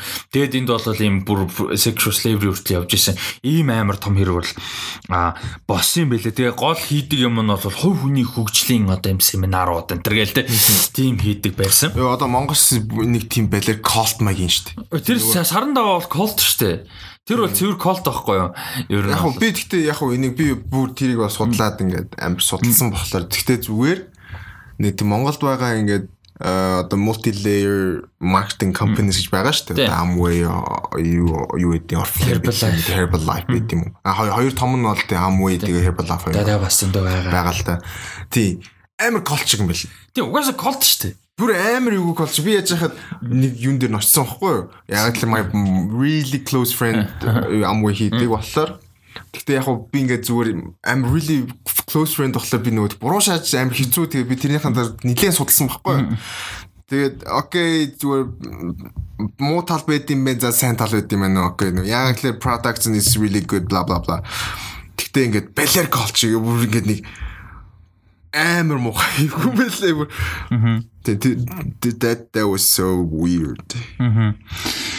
Тэгээд the wow цуврал болохоор баримтат цуврал болохоор юу юм бэ? Одоогийн байдлаар 9 анги зарлагдсан ма 9 юм 10 ангитай л юм шиг байна. Ер нь бол тэгээд 8 сарын 23-наас HBO-гоор гарч ирэл Монголд бол үзэх шууд боломжтой гэсэн үг. А HBO-гоор. Тэг иймэрхүү HBO иймэрхүү гэсэн л Netflix дээрсэн ер нь бол нэг ийм док series амар сонирхолтой. Бүр ингээд нэг тийм ингээ ер нь Netflix HBO-гийн юу нэг хамгийн одоо production ийм юм ихлүүлчлэр кинонаас илүү орд юм бэлээ. Бүр ингээд гүн орд юм бэл. Амар гоё. Гэтэ амар гоё, амар гоё. True crime documentary. Амар гоё. Бид бүр ийм их юм үзэх амар дуртай. Тэгээд трейлерыг харахад бол гэтээ ингээд юуг санагцсан. Амар тийм одоо юг юг мерчэндээ одоо хоёр талыг харсан тийм nuanced маягаар хийсэн чим шиг санагдсан. Яг л зарим нэг хүмүүс нь болохоор ингээл бүр улан ингээл сайлал тийм тийм гэл тэгснэ нэг нь болохоор шууд шууд sex abuse abuse гэл яриад бид тэгсээ зүгээр тэгж бодогдсон юм лээ. Зарим нэг хүмүүс нь бүр колтой бүр дэндүү орцсон тэгээд яг юм documentary хийж яхад амар тийм тэрнээсээ гараагүй. Надад бол тийм зүгээр халбаар тэр имижийн трейлерын ихний хэсэгт өгсөн юм шиг санагдсан шүү дээ. Нөгөө хүмүүс юунд нь татагдаж орж исэн бэ гэдэг айдиаг нөхийн тулд гэж санагдсан. Тэр одоо ийм докюментариуд байна л да. Сүүлд нэг йогийн нөхөр байгаа. Инэтгэг. За. Йо одоо йогийн йога тичер тэр гарын бас юу чин кол амар колти болж таарад бөөн sexual harassment abuse юу хэрэг болоод тэрний докюментари Netflix дээр бас байна. Тийм бас болсон юм байлаа. За тэгээд энэ Nexium гэж юуны талаар бол and wow гэдэг нэртэй баримтат кино. Цуврал баримтат цуврал sorry. 8 сарын 23-наас эхлээд 7 хоног болгон нэг эпизод HBO дээр гарна. Зүгээр чиний санаанд орж байгаа өөр юм гоё зүгээр санаанд орж ивэл юм одоо гоё юм ч сэдв хийж байна. Гэтэ documentary байдаг. Crime documentary, true crime. Би яг нэрүүд нь мартчихлаа. Би юу үзчихсэн. Тэр нөгөө Making a Murderer амар дажгүй. Тийм Making a Murderer би season 1-ийг нь бол яг үзсэн. Тийм. Тэгээд би нэлээд удаа ярьсан нөгөө юу байгаа аа Don't Mess with the Cat гэдэг нэг тийм Аа тийм 3 эпизод тэр бол нилээгүй. Би сүүлд нөгөө юутай нэг mob аа юу Нью-Йоркийн хамгийн том 5 crime family-г болгож авсан докюментари үзсэн. Netflix дээр байгаа. Би тэгтээ нэрийг мартчихлаа. Юу билээ дээ. Тэр нөгөө Ryko Act гэдэг байдаг. Тэр юм өндөр чи ярьд нэг Dark Knight дээр ч Ryko-гийн талаар ярьдаг. Тэр нөгөө боссууд нь болохоор өөрсдөө хэрэгт ордгоо. Л тэр нөгөө тхиуд өөрсдийн цэргүүд байгаа дээ. Жижиг гарууд. Жижиг гарууд нь ихэнхдээ нөгөө тхиим бохир ажлууд нэгээд явж идэг байна нөгөө боссуудад нь өртдгүү. Тэр нөгөө Ryko Act гэдэг нь болохоор нөгөө тэр боссуудын яасан юм бэлээ. Одоо хэрэг төртөг хэрэг болгосон тийм акт юм бэлээ. Тэгээ нөгөө юм дээр Dark Knight дээр ч нөгөө тхиё хин гэдүүлээ. Филони биш ээ. Морони Морониг нөгөө тхи Ryko Act-аар баримтлаад идэх. Нөгөө бүгднгийн барьд шүү дээ. Тэр чинь тэрийг ашиг. Тэр нь болохоор Dent Act. Тэ Dent Act. Dent яадаг. Тэр чинь юу лээ дээ? Юу? Би нэрийг би нэрийг санах гад Наркос биш. Наркос гэж гарч ирсэн аа. А Fear City тийм. New York versus the Mafia гэдэг. Им богинохон амар богинохон. Тэгээ Netflix энэ амар гоё. Гэтэ юу юм бэлээ? А над шиг нөгөө яг тэр тухайн үед болж исэн үйл явдлыг мэдгүй хүнд бол гоё юм шүү. Бэн л нөгөө судалж байгаагүй. Яг л нөгөө зарим нэг шүүмж байгаад байгаа юм бэлээ. Би нөгөө дараа нь ревю дээр уншсан чинь нөгөө шин юм нэмээгүй байна гэд амар ойлгомжтой ойлгомжтой тэгээд нөгөө эн чинь л бидний хүн болгоно л мэддэг зүйл байж тээ гэсэн нэг тийм шүмжил яваад л. Гэхдээ би бол нөө мэдхгүй болохоор надад бол аим сонирхолтой байсан. Тэгээд нөгөө таван том гэр бүл байдаг одоо Colombo, Genovese юу хичүүлээ те банано энэ төр банано. Тийм банано гэсэн байсан баха би тэгээд санаж байна. Тэгээд энийг үзэх бол аим сонирхолтой. Хүмүүс үзээрэй. Аа За дараагийнх нь болохоор Netflix-ийн докюментари байгаа. The Social Dilemma гэдэг нэртэй а кино нэг ангитай юм докюментари гарч байгаа. За энэ болохоор Netflix дээр 9 сарын 9-нд орон за Social Dilemma-гийн сэдв нь болохоор юу байгаа? Social media. Social media бидний амьдралд хэрхэн өдөр тутмын амьдралд хэрхэн нөлөөж байгаа? А тэрийг хэн контролдож байгаа вэ? Бидний датагаар хэн юу юунд ашиглаж байгаа гэсэн ийм сэдвийг ерөнхийдөө хөнцөн. Одоо чинь хамгийн том жишээ 2016 оны Америк ерөнхийлөгчийн сонгуул байж байна. За тэгээд Sony-гийн имэйл лийкүүд байна. За тэгээд бидний дата нөгөө WeChat нөгөө ихтэй Face app map те. Тэр бүхнийг яаж юунд ашигладаг вэ те? Яаж дата бүрдүүлдэг? Бидний ad ad mad яаж явагддаг те? Одоо энэ Black Lives Matter movement social movement-ууд явхад тэрний эсрэг яаж төрхөрж ийн вэ те гэх мэт тэгээ бүр саяхан нөгөө киношад болсон юун дээр чинь нөгөө Facebook-ийн пэйж байсан байлээ шүү дээ групп ч юм уу. Тэгээд тэрийг нь болохоор репортлсон амар их репортлсон тэгсэн мөртлөө Facebook яа буулгаагүй. Тэгээ саяхан нөгөө тэрэн дээр statement хийсэн байл ш нь operation mistake байсан байсан. Тэр тийм хүний талаар. Ерөнхийдөө тэр сэдвэр болол хийсэн юм баримтат кинодохгүй гарч байгаа юм байлээ. 9 сарын 9-нд. Гэтэ энэ сэдв дээр чи юу ямар сэтгэлтэй миний одоо ийм байгаа хгүй айгүй хэцүү юм нь бид нар үсээгөө энэ бүр энэ яг энэ генерашн дунд нь амьдарч байгаа. Тэгээ 100% одоо трака устгах ямар ч боломжгүй тэртээ тэргүй ингээд дунд нь ороод амьдраад Parvet болцсон бидний амьдрал юу ингээд угаас л амьдралын трак нь үлдсэн. Одоо ингээд зүгээр үлдсэн. Би ингээд 10 11 онд нэг bullshit тэнэг Facebook пост хийсэн юм ингээд үлдсэн байгаа. Тэнгүүт Ер нь зүгээр энэ тал дээр дата тий хэрэглээ person privacy social media дээр ер нь чиний overall ямар байдаг. Би ер нь одоо ингэ за өнгөрсөн л гэж боддоо шүү. Яг хоо энэ дээр тэгээ regulation гарах гэж амар хичээд гэхдээ компаниуд дэндүү хүчтэй болцсон. Одоо жишээ нь Apple саяхан баригдлаа шүү. Яасан гэсэн чинь нөгөө Siri Siri-гээр бичсэн нөгөө дуу ингээ яаж идэг хадгалагдчихэдэг.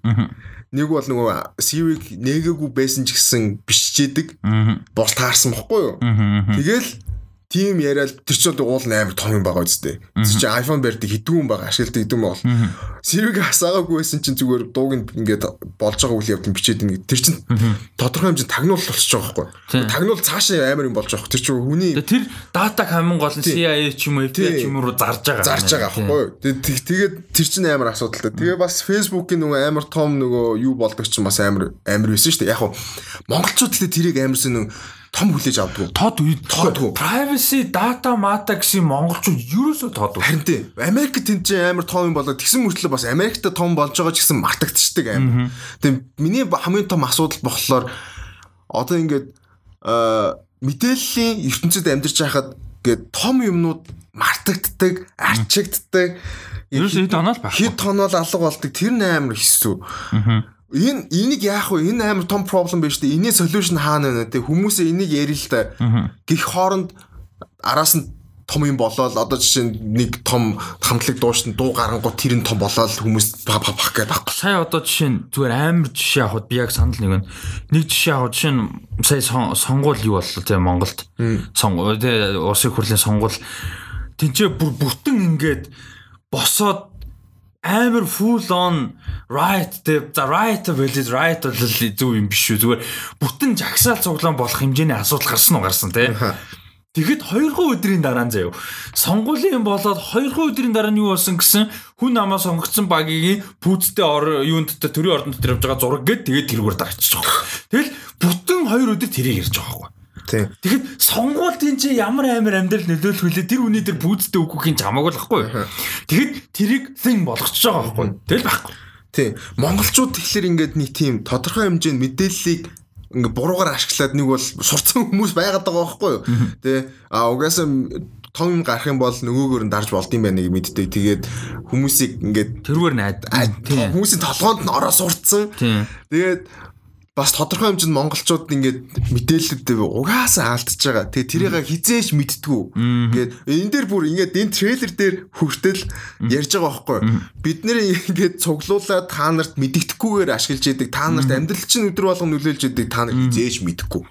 Тий. Бид нэр бас яг тийм монголчууд нь тэгээд мэдээлэл алж гин үгүй юу хамаа байхгүй. Яс юм дээр ингээд монгол аппликейшнүүд дээр ямар амар privacy алдгийг хүмүүс анзаардаг байхгүй одоо жишээ нь за яг хуу лендемэн энэ төр угаасаа алдахаас өөр аргагүй л дээ тэр чинь угаасаа цаад алдах биш өгөх болчихж байгаа. болчихж байгаа тийм. Угаасаа тэхээс өөр аргагүй. Гэхдээ бодоод үзэх юм бол тэр мэдээллийг чи зүгээр ингээд нэг компани зарчиж байгаа байхгүй. Тийм. Тэгсэн одоо жишээ нь сая сонгуулийн өмнө гэхэд амар randomly сүндий гэдэг нэр дэвшиж байгаа хүний хорооноос гэ надад залгаж байгаа байхгүй. Like where the fuck did you get my number? Яагаад тэр тэгж залах болох бас ёсгүй байхгүй юу?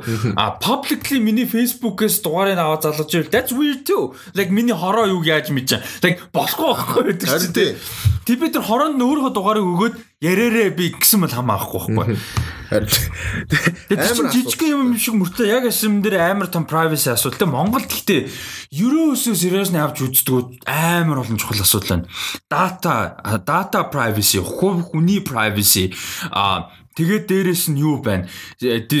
Gender discrimination тэгээ энэ тэрийг тэр мөр бол бүр ингээд яригдахчгүй зүгээр ингээд юм тоохгүй харамсалтай нь шүү дээ тий. Арт түмний одоо асуудлын priority-г амар доор. Уул нь тийм байх ёсгүй өдөр тутмын амар чухал нөлөө байгаад байдаг тийм байхгүй. Харин тий тэгээд одоо ингээд энэ дээр бас яригдах асуудлууд нь ингээд зүгээр трейлер нэхэлж яхад ингээд уулс болгонд Google search хийхлээр өөр өөр гарч ирдэг. Гэж байгаа Дээрээс нь усч биш хүн бол. Хүн болгоно тий. Тэнгүүд одоо ингээд бид нэр шинэ утас авлаа, шинэ юм авлаа. Бүх targeted одоо нөгөө юунууд одоо юу advertisement одоо монголоор одоо рекламууд гэх юм уу. Гэт зориулсан байдаг. Энэ хүн юу сонирхож чинь, юу хайж чинь бүх юм одоо тэр cookies гэдэг тэрнээс шалтгаалдаг л да. Third party cookies ихтэй айд бол. Тийм, тэгэнгүүт хүмүүсийн ингээд аль хэдийн ингээд яатсан кодлцсон байгаа байхгүй. Тэгээд тэр нь амар том асуудал. Тэгээд ингээд трейлер дээр ихтэй амар олон юм ийгүй энэ кинон дээр ер нь амар олон юм хүнд сэдэж явах сэдвийг хүндэж явах шиг байлээ. Одоо чи нэг охин нөгөө бас лайк авах маах талаар бас нөгөө яаж нэг харуулсан. Тэг тэнгууд нөгөө хүн өөрийгөө үнэлэх гэдэг бүр хүний үндсэн тэг core team ideology руу хандсан байгаа байхгүй юу? Хөрх тэр хүүхдэд юу чухал вэ? Хүмүүсээс лайк авахулсан байгаа байдаг. Одоо нэг бол нэг хүн зүгээр доор нэг комент дээр нь өө чи ямар царай муутай юм гэв тэр нөлөөлдөг болцсон.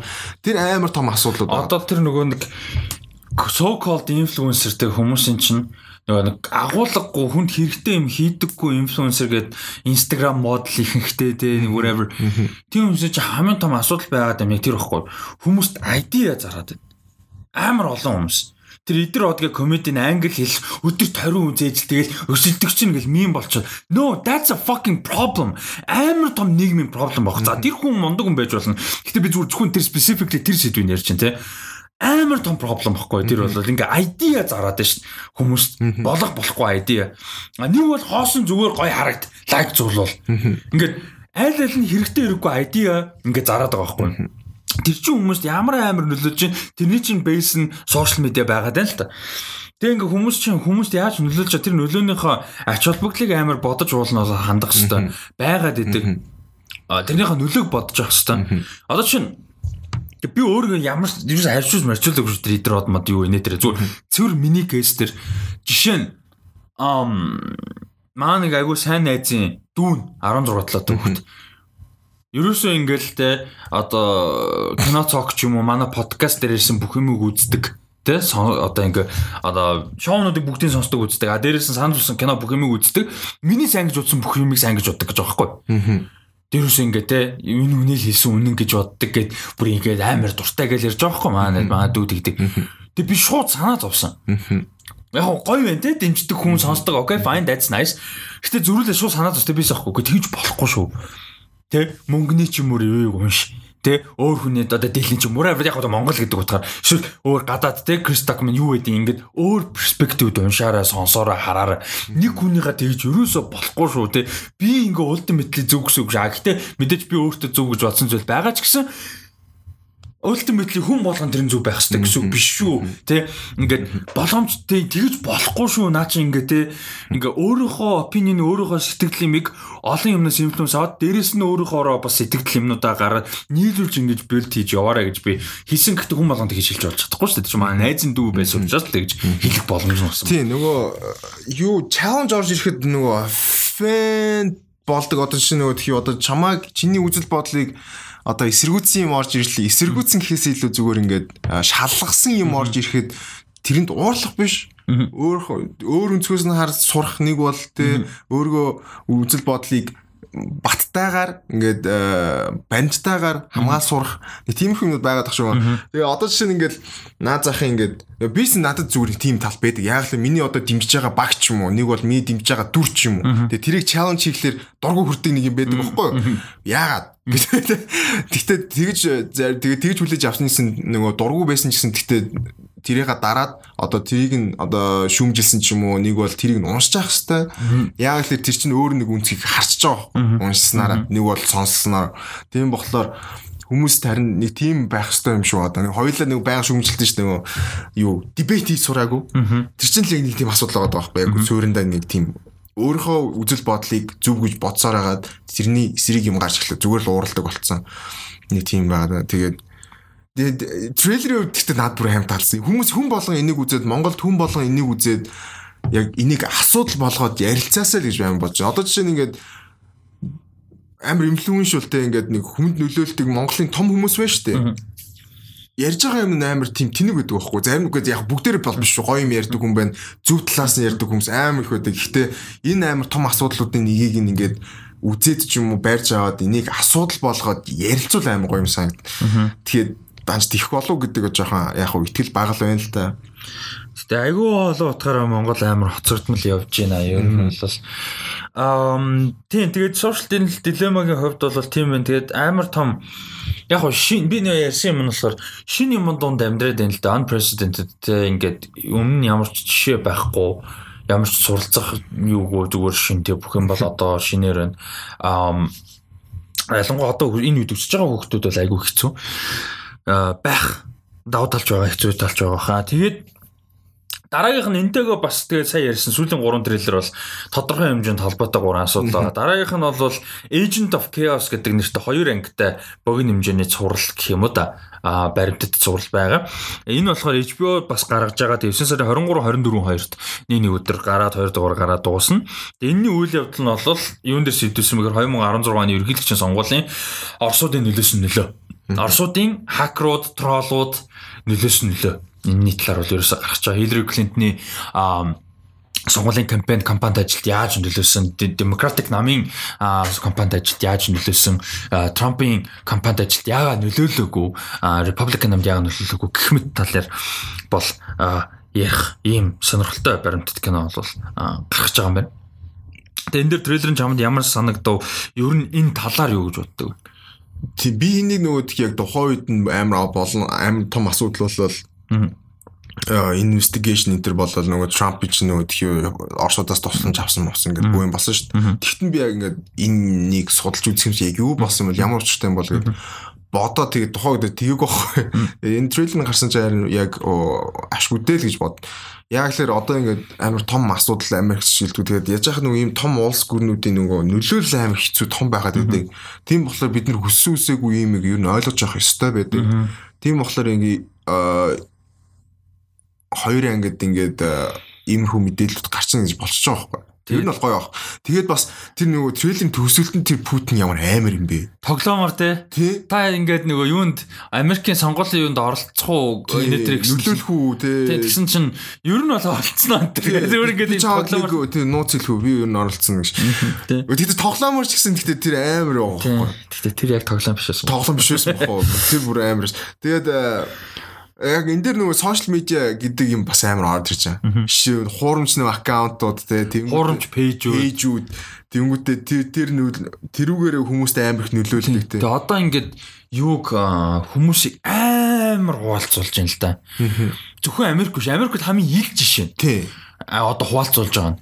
Гэхдээ нөгөө тал зөвхөн Америк биш дэлхийд бүр арай л амар хуваалцуулж байгаа. Одоо сая Шведэд хүртэл Швед бидний ID-гаар бол хамгийн peaceful-тэй нөө сайхан амжилт орнуудын нэг шүү дээ. Тэгэхээр сая Шведэд бүүн right might бүү юмс ш бослоо чагсаар цуглаан бол амар юмс. Яасан гэсэн чинь баган far right гарууд гарч ирээд амар publicly Коран шатасан. Like Тэгээ амар юм болж байгаа шүү дээ. Тэгээд тэрнээс болоод бүр амар юм болсон баггүй. Тэгэд ер нь бол одоо ингээд far right activism те far right extremism дэлхийд даяараа ирч авч байна. Үндэсрэг үзэл дэлхийд даяар ирч авчлаа.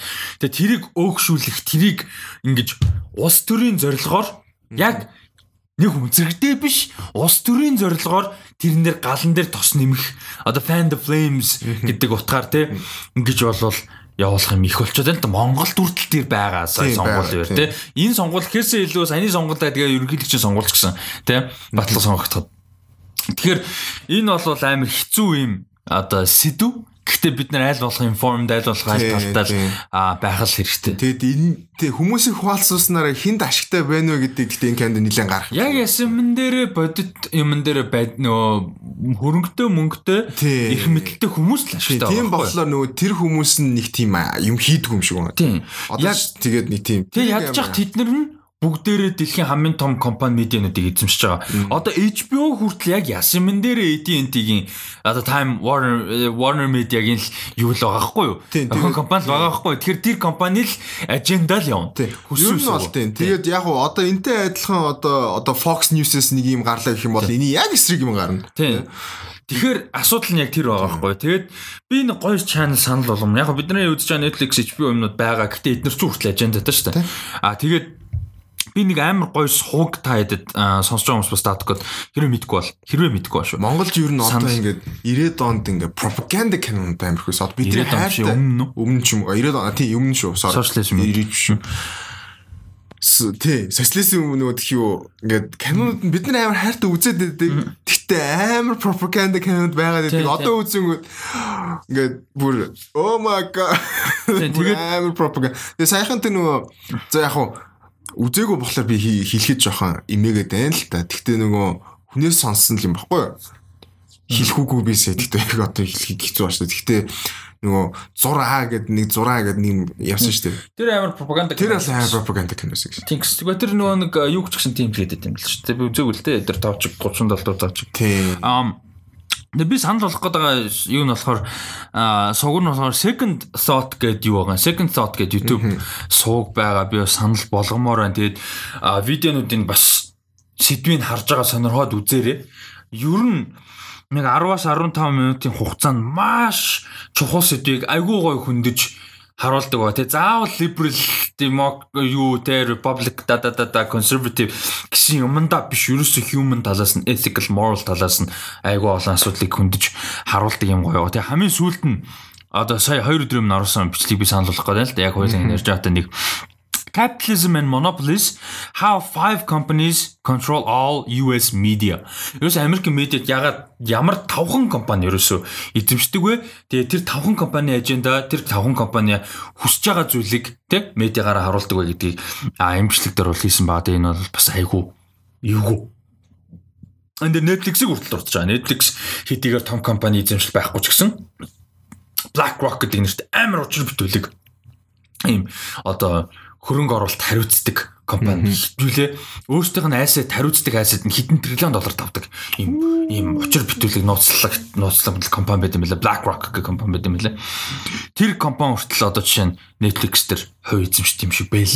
Тэгээ нэг тийм юм хөө юм ба. Тэгэд энэ ер нь second thought-ыг үсэх юм бол тэгээд амьдрал төвгүй болно. Амьдрал хүний нийгэмд ерөнхийдөө төвгүй болно. Ихтэй гоё. Маш гоё. Тэгээд юу н анзаараад байхад ингээд нэг тийм хүмүүс Гэхдээ амар олон л юм дээр бичсэн л байдаг. Тэгээ нөгөө хүмүүс түүхийг яалчгүй давтах юм те. хүн сурдаггүй байхгүй юу? хүн төрлөж ерөөсөө сурдаггүй байхгүй. Сурдаг. бид нар микро левелд аваад үчиг бид нар сурдаггүй шүү дээ ингээ өмнө нь алдаа гарсан юм хилдэг те. Ин битгий ингээ хилээ битгий төмөрөн дээр долоо наалдчихнаа. Тэгэхээр сонирхолтой санагдаа очиж бид нар 5 настай очиж наач тэгээ уйлдаг те. Тэрнээс ахуулж байгаа байхгүй юу? Ерөөсөө бид нар макрогоос макро хүртэл ерөөсөө сурдаггүй байхгүй юу? Ууланс маг яд сурж явах ёстой. Гэтэ манайхнад хэлчихгүй. Хүн төрөлхтөн өмнөх алдаанаас суралцаад байдаг эсвэл бид нэр утопia цаашаа тэгээ утопигийн дараа левелийг олцсон баг. Тэгээ ингээ бүгд зэнд будаа олцсон баг. Like we can't. А тэгээд Agent of Chaos 9 сарын 23-нд дөрөнд хоёр ангитай HBO дээр гарах нь байна. Тэгээд тухайд HBO-гоор ч юм уу эсвэл торрентлот ч юм уу үзээрэй гэж зөвлөмөр байна. Тэгээд би ч гэсэн үзэн гэж бол ямар ч байсан бодож байна Agent of Chaos-ыг HBO-гийн ийм шин юу гарах нь байна. Тэгээд тий. Тэгээд сүүлийн 3 бол гуруула холбоотой ерөнхийдөө холбоотой ийм сошиал асуудал дээр сэдвсэн юм юмнууд болж таарлаа. За тэгээ мэдээлэл рүү оръё. А трейлер биш мэдээлэл рүү оръё. За эхний мэдээлэл бол а ерөнхийдөө release date-үүд дээр апдейт өгье гэж бодож чинь тодорхой хэмжээний апдейт. За мэдээ нь бол нэг одоо headline те гарчиг бол Kingsman хойшлогдсон талаар байгаа.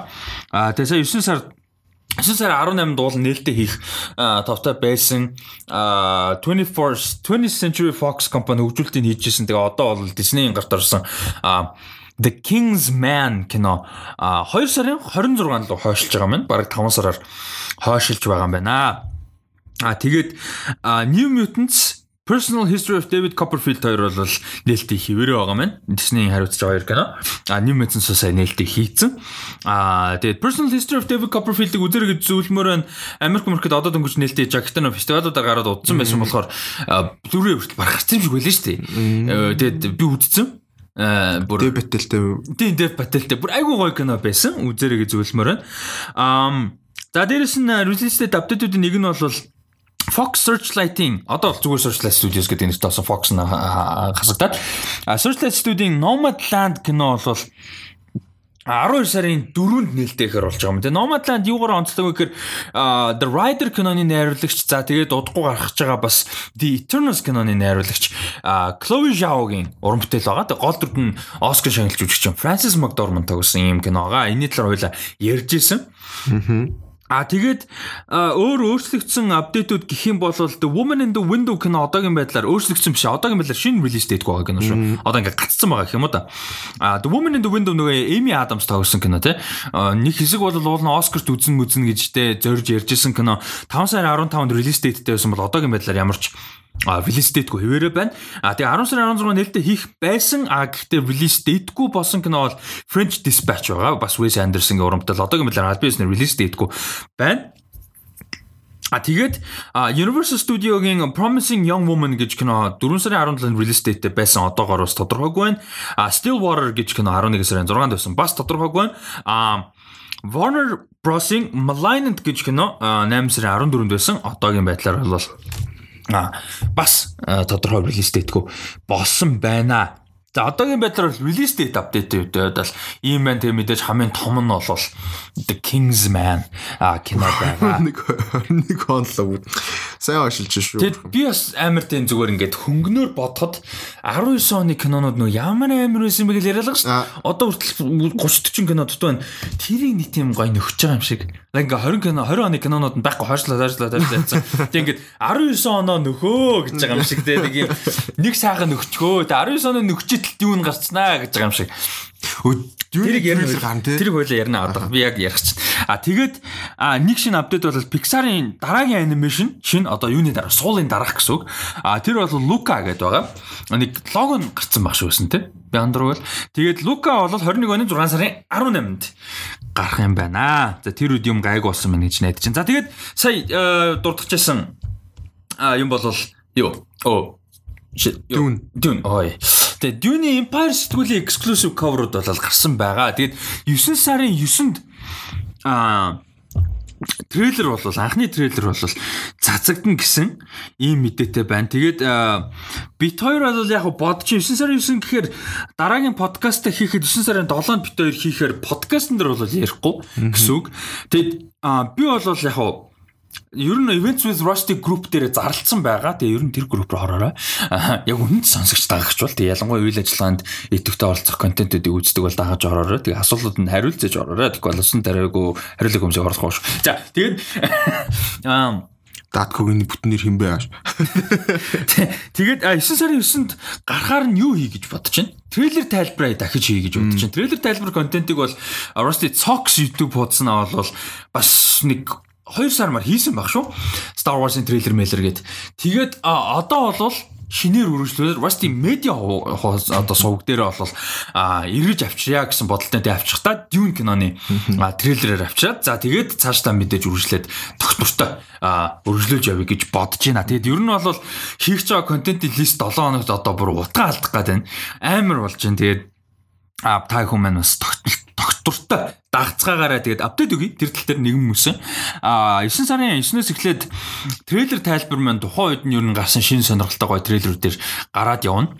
А дээрэс нь А үзүрийн дараа шоу маань бол 9 сарын 26-наас гарч эхлэж байгаа. Тэгэхээр тэр бол big announcement. Яг нь technically announce хийсэн.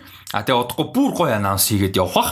Тэгээ манай подкаст сонсогчдоос мэдээлэл өргөхөд 9 сарын 26-наас гарах байгаа. Тэгээ тэр бол Datco B за тэгээд манай Positive Mongolism төвшөө. За тэгээ кино задлангийн Задлан Баатара. Задлан Баатара пост нар маань бол ийм дөрвөн хүний бүрэлдэхүүнтэйгээр бол яг panel дөрвөн. За мэдээж эвлүүлэг график дээр бол Temka маань ажиллана. Chapteli Temka маань ажиллана. Instagram, YouTube, Facebook дээр Chapteli гэдэг байгаа дагаараа. Аа ийм байгаа. За тэгээд дээрэс нь мэдээж кино цок маань бол 10 сард эхлэх төлөвлөгөөтэй мэдээж байгаа 10 сарын ихээр а дээрэс нь гой мэдээ дахиад хүргэе гэж бодож байна. Энийг бол анхны announcement. Энэ бол Sunday Night Live маань бол 9 сарын 20-оос эхлээд жиг жиг руу шилжнэ. За тэгээд 9 сарын 15-наас эхлээд 11 сарын 15-ны хугацаанд 2 сарын хугацаанд бол жиг жигтэй хамтарч ажиллахаар болсон байгаа. За тэрийг анонс хиймээр байна. Сонсогчдод зориулаад. Тэгээд цаг 25 минут явцсан байхад бол яг үнэнд сонсогчдод л үлдсэн баг гэж бодож байна. Аа тэгээд А 2 сарын хугацаанд жиг дээр юу явах вэ гэдгийг бас хэлье. А за жиг дээр бол 2 сарын хугацаанд 7 хоног болгон 3 цагийн лайв явна. 3 одоо цаг гэхээс 3 өөр төрлийн лайв бол явна. За нэг нь бол а Sunday Night Live obviously бүтээ сайн орой явдгаар явна. За нэг нь бол Q&A асуулт хариултын юм постос сэдвсэн юм лайв явна. За тэр нь бол 7 хоног болгон гоё пост орно. Би одоо Rusty Talks дээр пост орно.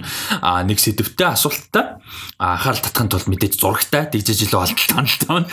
Олон коммент. А тэгээд а тэрний талаар те тэр комментуудын талаар бол бас асуултаа сэдвийн талаар лайв явна. За тэгээ шинэ нь би хамгийн excited байгаа. Яг энэ хоёр бол ерөнхийдөө тогтсон гайгүй бас ингээ гоё оролцоо явах боломжтой. А шинэ нь бол 7 хоног болгон би нэг төдөрөж хараад байгаа яг хизээ байх нь а удахгүй залах бах а юу байгаа хөлбөмбөгийн сэдвтэй лайв байгаа 7 хоног болгон нэг удаа хөлбөмбөгийн сэдвтэй лайв хийхээр шийдсэн байгаа. Тэгээд би бол өөрөө айгүй excited байгаа. Тэгээд ягаад тэр хөлбөмбөх би энэ хамгийн хайртай спорт, кино урлагаас илүү хөгжмөөс илүү энэ спорт. Тэгээд энэ хөлбөмбөхт бол би хайртай тий миний анхны одоо Jinko First Love байсан. Одоо цусаар баг хөлбөмбөг уурсдаг гэж хэлж бол болно. Тэгээд тийм учраас хөлбөмбөгийн сэдвтэй ерөнхийдөө лайв хийж эхлэхээр бэлдсэн байгаа. Тэгээд эхний ээлжинд бол нэгт өдөр гэдэг учир нь бол өмнөх 7 хоногийнх нь мэдээ мэдээллийг ерөнхийдөө базах зорилготойгоор тэгээд аль болох футбол ток ч юм уу эсвэл SBS-ийн нэвтрүүлгүүд те а бас сэтгүүлчэд сайтууд яриаггүй байгаа хөндөж чадаагүй те боломж нь гараагүй мэдээллүүдийн талаар илүү ярих зорилготой байгаа. Давтаад явах те. Ийм зорилготой бол байгаа яванда гоё форматаа очроо олчих юм бол бас өөрчлөгдөж магадгүй тийм юм мэдхүү бас үзэгчд маань тэг хөлбөмбөг сонирхдаг үзэгчд маань доктортой үзээрэй гэж зөвлөмөр энэ яг одоо жиг жиг хэрвээ хэрэлж байгаа бол Rusty Talks live гэж хуудас бол нээсэн байгаа шүү. Жиг жиг дээр тэг та бүхэн бас дагаад амжаарай тэг ер нь бол 15-наас эхлээд гэрээтэй ажил маань эхлэнэ тэгээд 20-нд бол ямар ч Sunday Night Live явна. За 16-нд байна уу да Q&A явж таарах. Жохон төхөд зарлагдсан. Тэгээд Events with Rusty Group руу орцоогоороо тэр group дотор байгаа гişүүд маань бол илүү exclusive, илүү одоо special мэдээллүүд төрүүлж аваад ингээд явах юм шүү. Тэгээд а тэрэн дээр group дээр ороорой гэж зөвлөмөр байна. За а ийм апдейттэй байна. Тэгэд movie night бол одоогийн байдлаар confirmed болоогүй байна. Театрууд дээр ирсэн зарим нь хариу ирсэн, зарим нь хариу илээгүй жоохон хүлээлттэй. Кан дээр бол боломжтой гэсэн гэхдээ бас ганцаар асуудал байна. Бас ингэ шууд явагдаж болохгүй байгаад байна. А тэгээд юуг бол харж байгаа. Тогтмол 7 хоногийн кино хэлцүүлэг хийх ивент хийх газрыг бол хараад ярьж байгаа. Маргааш нэг газар бол бас маргааш амжих нь үгүй юу болохгүй бол 3 дахь дөрөвдгөөс нэг газар бол очиж үзнэ гэж ярьсан байгаа. Аа нэг газар нууд нуугаад байх вэ юу штэ. Аа Book Cafe гэж газар. За нэг бол Book Cafe биш юм а гэхэд аа Cinemax кинотеатрын болол тэнцээ бол яригдчихэж байгаа. А тэгтээ confirmed болсон юм билээ шүү биш шүү зүгээр л potential яригдчихэж байгаа. Ийм болол нөхцөлтэй дээдлийн айлын хөгжтөл рүү орчд гуурлаад балбаж байна. Аа за ийм апдейтууд бол байна ажлын хувьд. Нэгэнт ярьсан дээрээ. За тэгээд дараагийн мэдээ. Дараагийн мэдээ болохоор юуд киноны Parasite киноны одоо юуны Ким гэр бүлийн аавд нь тоглолдог Сон Кан Хоо жүжигч юм аа те нөгөө юунд бас тоглолдог штэ хүмүүс мэдгүй байгаа. Бонжон Хогийн өмнөх баг бүх кино тоглосон дөө. Snow Piercer Messenger байдаг штэ. За тэгээд Сон Кан Хоо жүжигчин Hirokazu Koreeda гэж Япон одоо найруулагч байдаг тийм өнгөрсөн 7 хоногт ярьжсэн бас Shoplifters киноны найруулагч. Hirokazu Koreeda-гийн одоо анхны Солонгос production, Солонгос хэл дээрх Солонгос киноны гол дүрд нь тоглохоор байсан. Энэ бас айгүй сонирхолтой мэдээ. А одоогийн мэдрэг зохиолын тал дээр бол мэдээлэл бол байхгүй. А тэгээ туслах төрийн э, туслах дүрд нь болохоор Б дүүнэ байгаа. Энэ бас яг зөв нүггүй. Энэ бас айгуу сонирхолтой нөө Cloud Atlas тоглодог. Үдсэн хүмүүс бол мэдж байгаа. Имиж нь мэдж байгаа. А тэгээд дээрэс нь Peninsula кино тоглосон Kang Dong Won гэж хүчин бас тоглох юм байна. Тэгээд Hirokazu Hirokazu Koreeda-гийн а шинэ ромбтэл болохоор Baby Box Broker гэдэг нэртэй юм. Дундаа засалтай. Baby Box Broker гэдэг нэртэй. Ийм кино бол гарах юм байна. Тэгээ ямар ч үсэн ийм baby болон boxтой boxтой холбоотой л гэж зохиолно. Өөр юу болгоно л ямар ч гэсэн тоглол тодорхойгүй тэгээд Сонканго тоглох нь байна. Энэ дэр гоё надад санагдсан юм нэ Аз тэ Холливуд биш тэ ийм Аз өөр улсын кино продакшнуудын мэдээлэл ийм их адилхан тэ дутхгүй анхаарал авч байгаа надад. Бас айгу анхаарал хандлт авч байгаа надад айгу. Ер нь нэг тийм болоод байгаа тий. Түүнээс жишээ нь ингээл за солонгос ч юм уу те бусад орны Америк биш те Англи биш Австрали биш э, ийм уран бүтээл англи хэлээр ярьдгүү basically орнуудын production уран бүтээлчдийн ийм анхны гоё мэдээлэлүүд нэг явдггүй шүү дээ англи хэлний хэл дээрх одоо мэдээллийн сайт те сэтгүүлүүд дээр нэг явдаггүй те энэ бол айгу гоё. Одоо чинь Hirokazu Koreeda-гийн дараагийн кино ийм байна гэл нэг ярьж суудаа байхгүй шүү дээ өмнө те. Тэгэхэд одоо бол энэ айгу гоё санагдчихэв. Энэ дээр ямар сэтгэлтэй? Аа яг хамгийн сонирхолтой юм нь яг бүх юм нь яг Солонгос production. Солонгос Солонгос зураг авалтаа он Солонгос crew ажиллан Солонгос хэлдээр Солонгос кино. produce хийж байгаа CJ CJ entertainment. Тэгснэ манай хүн болохоор өөрөө Японы найруулагч Hirokazu Koreeda тийм яаж чи яасан ч мундаг угаасаа ч мундаг. Тэгээд яасан ч гоё жүжигчд оруулж ирж байгаа. Аа хамгийн гоё юм нь яг хил дээрээ яг яаж байгаа бол гэдэг. Манайхаар нэг бол э, солонгос хилтэй болов. Яг үгүй байсан ч нэг гайгүй байх л та. Тэгээ манайхаар зэгтээ бас өөрөө яг тэр barrier тэр хаалтыг ингээ яаж даах уу тийм бас сонирхолтой байна. байна гэсэн нэг тийм бас ярьсан ус. Тэгээд яг найруулах гэж яг юу ямар хүн байдаг вэ мэдгүй тийм асуултанд хариулна гэж найдаж байна байсан. Тэгээд Аа надад тэгтээ яг киноных нь концепт нь baby box гэж л юу юу боос. Яг baby box Baby box гэдэг нь яг ойл мэдэхгүй байгаа даа. Би Google-тээс айгаад байгаа шүү. Зарим нэг юм Google-т камер weird өгдөн шүү. Yeah. Би нэг тийм baby box гэ Google дээр нэг тийм болохгүй юм гараад ирэх гэж санагдаад. Өнөөдөр тэр нөгөө нэг юу амар инээдтэй. Google-ийн системийг нэг хүн хак хийцэн байна гэд За. Тэгээ White Doctor гээд image Google тэгэхээр дандаа нөгөө Black Doctor-ууд гарч ирээ. Хин нь ингэсэн мэдгүй амар гоо. White Doctor гээ Google тэгэхээр яг одоо жоохон ячч White хүмүүс гарч ирж байна. Гэхдээ сайн нэг 2 3 7 нэмд гисэн байхгүй. White Doctor гээ зураг Google тэгэхээр дандаа Black хүмүүс гарч ирээ.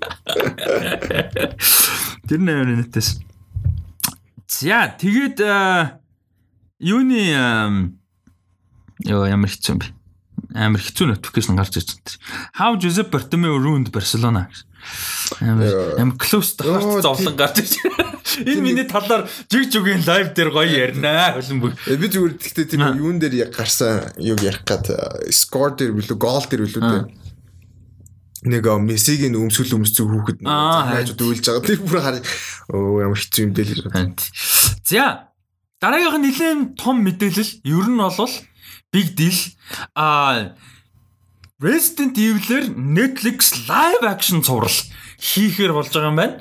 За тэрийг бол анх удаага officially зарласан байна. Тэгээд тэг хамгийн гоё нь юу ч хэлсэн бэ гэсэн чинь тэг тоглоом хийж байгаа. Тийм тийм тийм. Тэг Andrew Dab гэдэг showrunner Supernatural-ийн showrunner маш туршлагатай. А тэгээд writer найруулагч нь бас найруулагч продюсерээр нь Walking Dead дээр ажилласан хүн бас давхар ажиллаж байгаа юм байна. Тийм байлээ. Тэгээд Resident Evil is my favorite game of all time гэдэг game гэж ангой аахгүй. Тэгээд game-ээс нь сүүлээ gameтэй нь холбоотой гоё юм их юм болж байгаа байхгүй. Тэр кино нь болохгүй шүү дээ. Тэгээд энэ бол үгүй нэг нь дэжгүй. Нэг дэжгүй. Нэг чинь тэр horror element-тэй сайн хадгалсан. Бэдима бэдин тийм. Одоо энэ бол яг нэг Wesker Wesker-ийн хүүхдүүд New Raccoon City-д очиод нууц олж нээснээр те бүх юм одоо эхэлнэ гэд төгсгөл эхэлнэ гэж ярьж байгаа. Тэгээд Resident Evil шинэ live action бодит зураг авалт. Эн чин хөөе term worm coin хийдэг бол quote хийхөр бол намайг quote хийгэрээ. Бодит зураг авалт би coin хийсэн шүү. Аа live action series тоглоом дээр нь яг суурилсан бүр яг те цуврал бол Netflix дээр а ирнэ гэж бол амар гоё юм exciting пост бол оруулсан байгаа. Тэгээд энэ бол ямар ч үсэн 4 настай Jade Billy Wesker хоёр 14 настай sorry 14 настай Jade Billy Wesker хоёр евро New Raccoon City руу үйл одоо нүүж байгаагаар ерөнхийдөө story эхлээд те цаашаа бүх юм бол үргэлжлэнэ. Тэгээ хоёр таймлайнтай бол явна. Нэг нь тэр хоёр эхлээд нууц гарч байгаа тэгээ илэрж байгаа талаар нөгөөх нь ирээдүйд юу болсон талаар нь. Ерөөсөө дэлхийн хүн ам ерөөсө 15 сая хүн үлдцэг дэлхий дээр а тэр талаар. Ингээд юм хоёр таймлайн бол явна гэсэн ба маш сонирхолтой. 6 тэрбум мангас мó тийм тэгэхээр энэ бас айгүй сонирхолтой байгаа байхгүй тийм Харин ялч гоё санагдсан. Амар амар гоё нэ. Яа. А тэгээд одоогийн байдлаар бол Albius-ны release date байхгүй а гэхдээ 8 эпизодтой байна гэдэг нь бол confirmed юм байна. Тэгээд нэг эпизод нь нэг цагийн эпизод байна. Одоо нэг цагийн 8 эпизодтой байна гэсэн. А гэхдээ тэр нь season 1 гэж явна гэдэг ID бол байгаа юм байна. Тэгээд тоглоомудаар Netflix лүү ингээд цоврал болон кино цоврал Amazon ч юм уу те. Amazon ч юм их орж ин те. Ойлоо дөрвөн 7 хоногт гэхэд л нөө юу ярьж исэн шүү дээ. Splinter Cell Cell-ын талаар ярьсан шүү дээ. Тэгээ одоо Witcher хамгийн том жишээ нөгөө тийм. Witcher амар том жишээ. За Witcher гэхдээ ном л юм шиг байгаа юм. Яг ном and видео гейм. Видео гейм тийм. Тэгээд ялч гоё. Гэтэ видео геймийн popularity-гаас л ер нь бол тийм шүү дээ. Story номноос нь байж болно. Гэтэ popularity нь бол видео гейм байсан шүү дээ. That's true.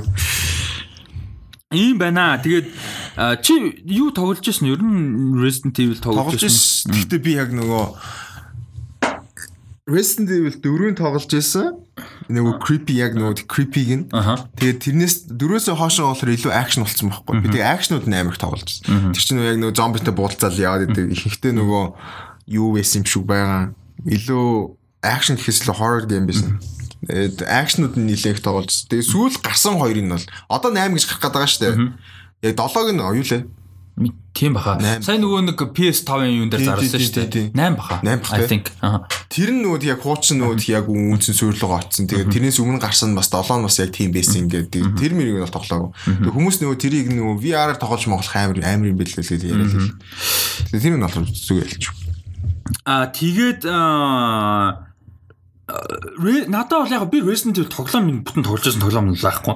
Гэхдээ яг live action horror штэ тий. Live action horror цуврал хийж байгаа. Тэгээ action horror action цуврал хийгдэж байгаа гэж би бүр амар баяртай байна. Би бол амар гоё. Надад амар. Яг гоё ордож байгаа хүмүүс Walking Dead-ийн хүн тий. Supernatural-ийн хүн гэхээр бас юу хийхээ мэддэг удаан хугацаанд дөрүүлж ирсэн чанартай цуврал хийж чаддаг хүмүүс байна гэдэгт гоё баярлж байна. Тэгэхээр би бол айгу хайптай.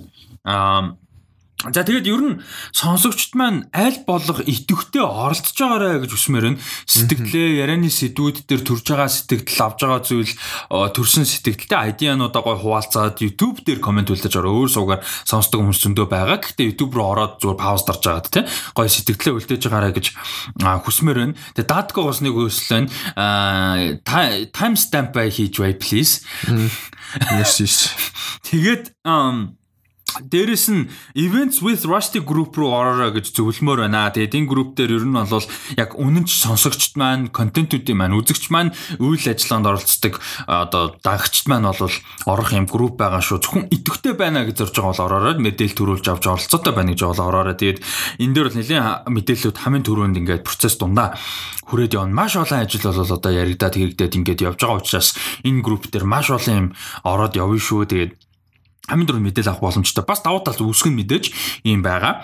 А тэгээд дээрэс нь үзүрийн дараа веб шоу гэсэн Facebook хуудас руу орцгооч лайк дарцгаагаарэ тэгээд удахгүй энэ хуудас маань идэвхжүүлэлтэнд ороод цоо шин шоутай та бүхэнтэйгээ уулзах байна. Амар ТV форматны ярьдаг те.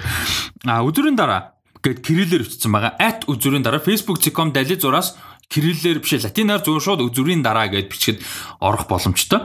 А веб шоу гэдээ орцсон байгаа. Тэгээ бид дөрөв нэг зурагтай ийм Facebook хуудас бол одоохондоо хоосон л доо. Гэхдээ лайк дарж байгаарай юу ч гэсэн. Тэгээд удахгүй мэдээлэл юмнууд нэмэгдэх учраас бас а гой болно гэж найдаж байна. А тэгээд юу яа? Events with Rusty Group дотор асуулт асуусан байгаа. Подкастын бичлэг өнөөдөр хийгнэ гой асуултууд үлдээгээрээ тэнцэнээс ерөөхдөө хариулъя маш цөөхөн асуулт байгаа. За нэг нь бол ингэсэн байна. Tribute to Chadwick Boseman за obviously за а Who can be the next Black Panther эсвэл Lakeith хэр Lakeith Stanfield хэр Black Panther болох талаа. За би энэ дээр орсон төрүүлээ сэтгэлээ олцчихэ.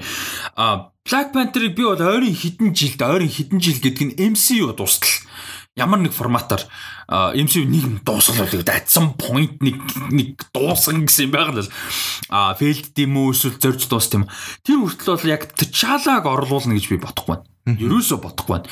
А Black Panther бол явах гэж би бодож байна. Яагаад гэхээр Shuri байна. За өөр одоо Mbaku ч юм уу те өөр эсвэл Black Panther ч өөрөө mantle шүү дээ те.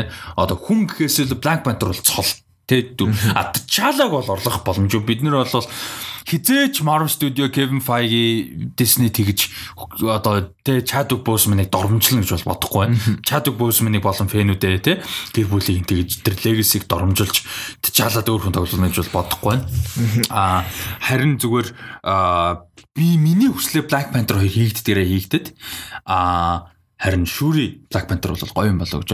Letitia Wright өөрөө ч гоё жүжигчин жүжигчний хувьд ч гэсэн Chadwick Boseman ах トゥ хоёр шиг харьцаатай байсан. Дүрэн ч гэсэн ах トゥ хоёр өөрөө ч гэсэн сайн жүжигчин тэгээд карьер нөсч яваа. Дээрээс нь бас emotionally айгу гоё байх гэж бодож байна. Angela Bassett бүгд эргэж ирээд аа тэгээд маш emotional байх болоо. Яг нэг харамсаж байгаа зүйл бол түрүүн би ярьж байсан. Яг Endgame-ийн төгсгөл маш гоё юм сэтгэлд гоёор дуусгаж чадсан. Аа гэхдээ Black Panther 2 хийгдэхэд за хоёр дээр биш юм хөт өөр кинонууд дээр T'Challa насурцсан гэд эсвэл одоо яатсан чинь те ингээд юм off screen тэгэж хэлэх жоохон эвгүй байх болов хэцүү санагдтолоо гэж бодож байна.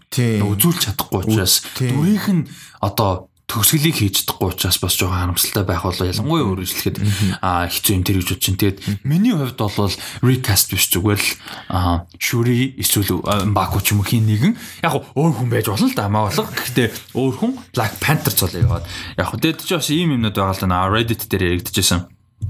А Black Panther чинь зүгээр ингээд нөгөө удам дагдаг биш одоо чаленаас орохлаа шууш гүрий болохгүй чаленж хийгдэх хэвээр. Тэгээ чаленжгүй бол болно гэд. Тэдсэн ч айгу гоё юм бичсэн нэг хүн. Шүүри ингээд тэ Black Panther-ийн мантлыг авахар боллоо гэхэд чаленжгүйгээр зүгээр шуудахгүй нь болчихгүй тэ дагаж байгаа ш. Тэгээ Mbaku хамгийн том чаленжуудынхаа нэг.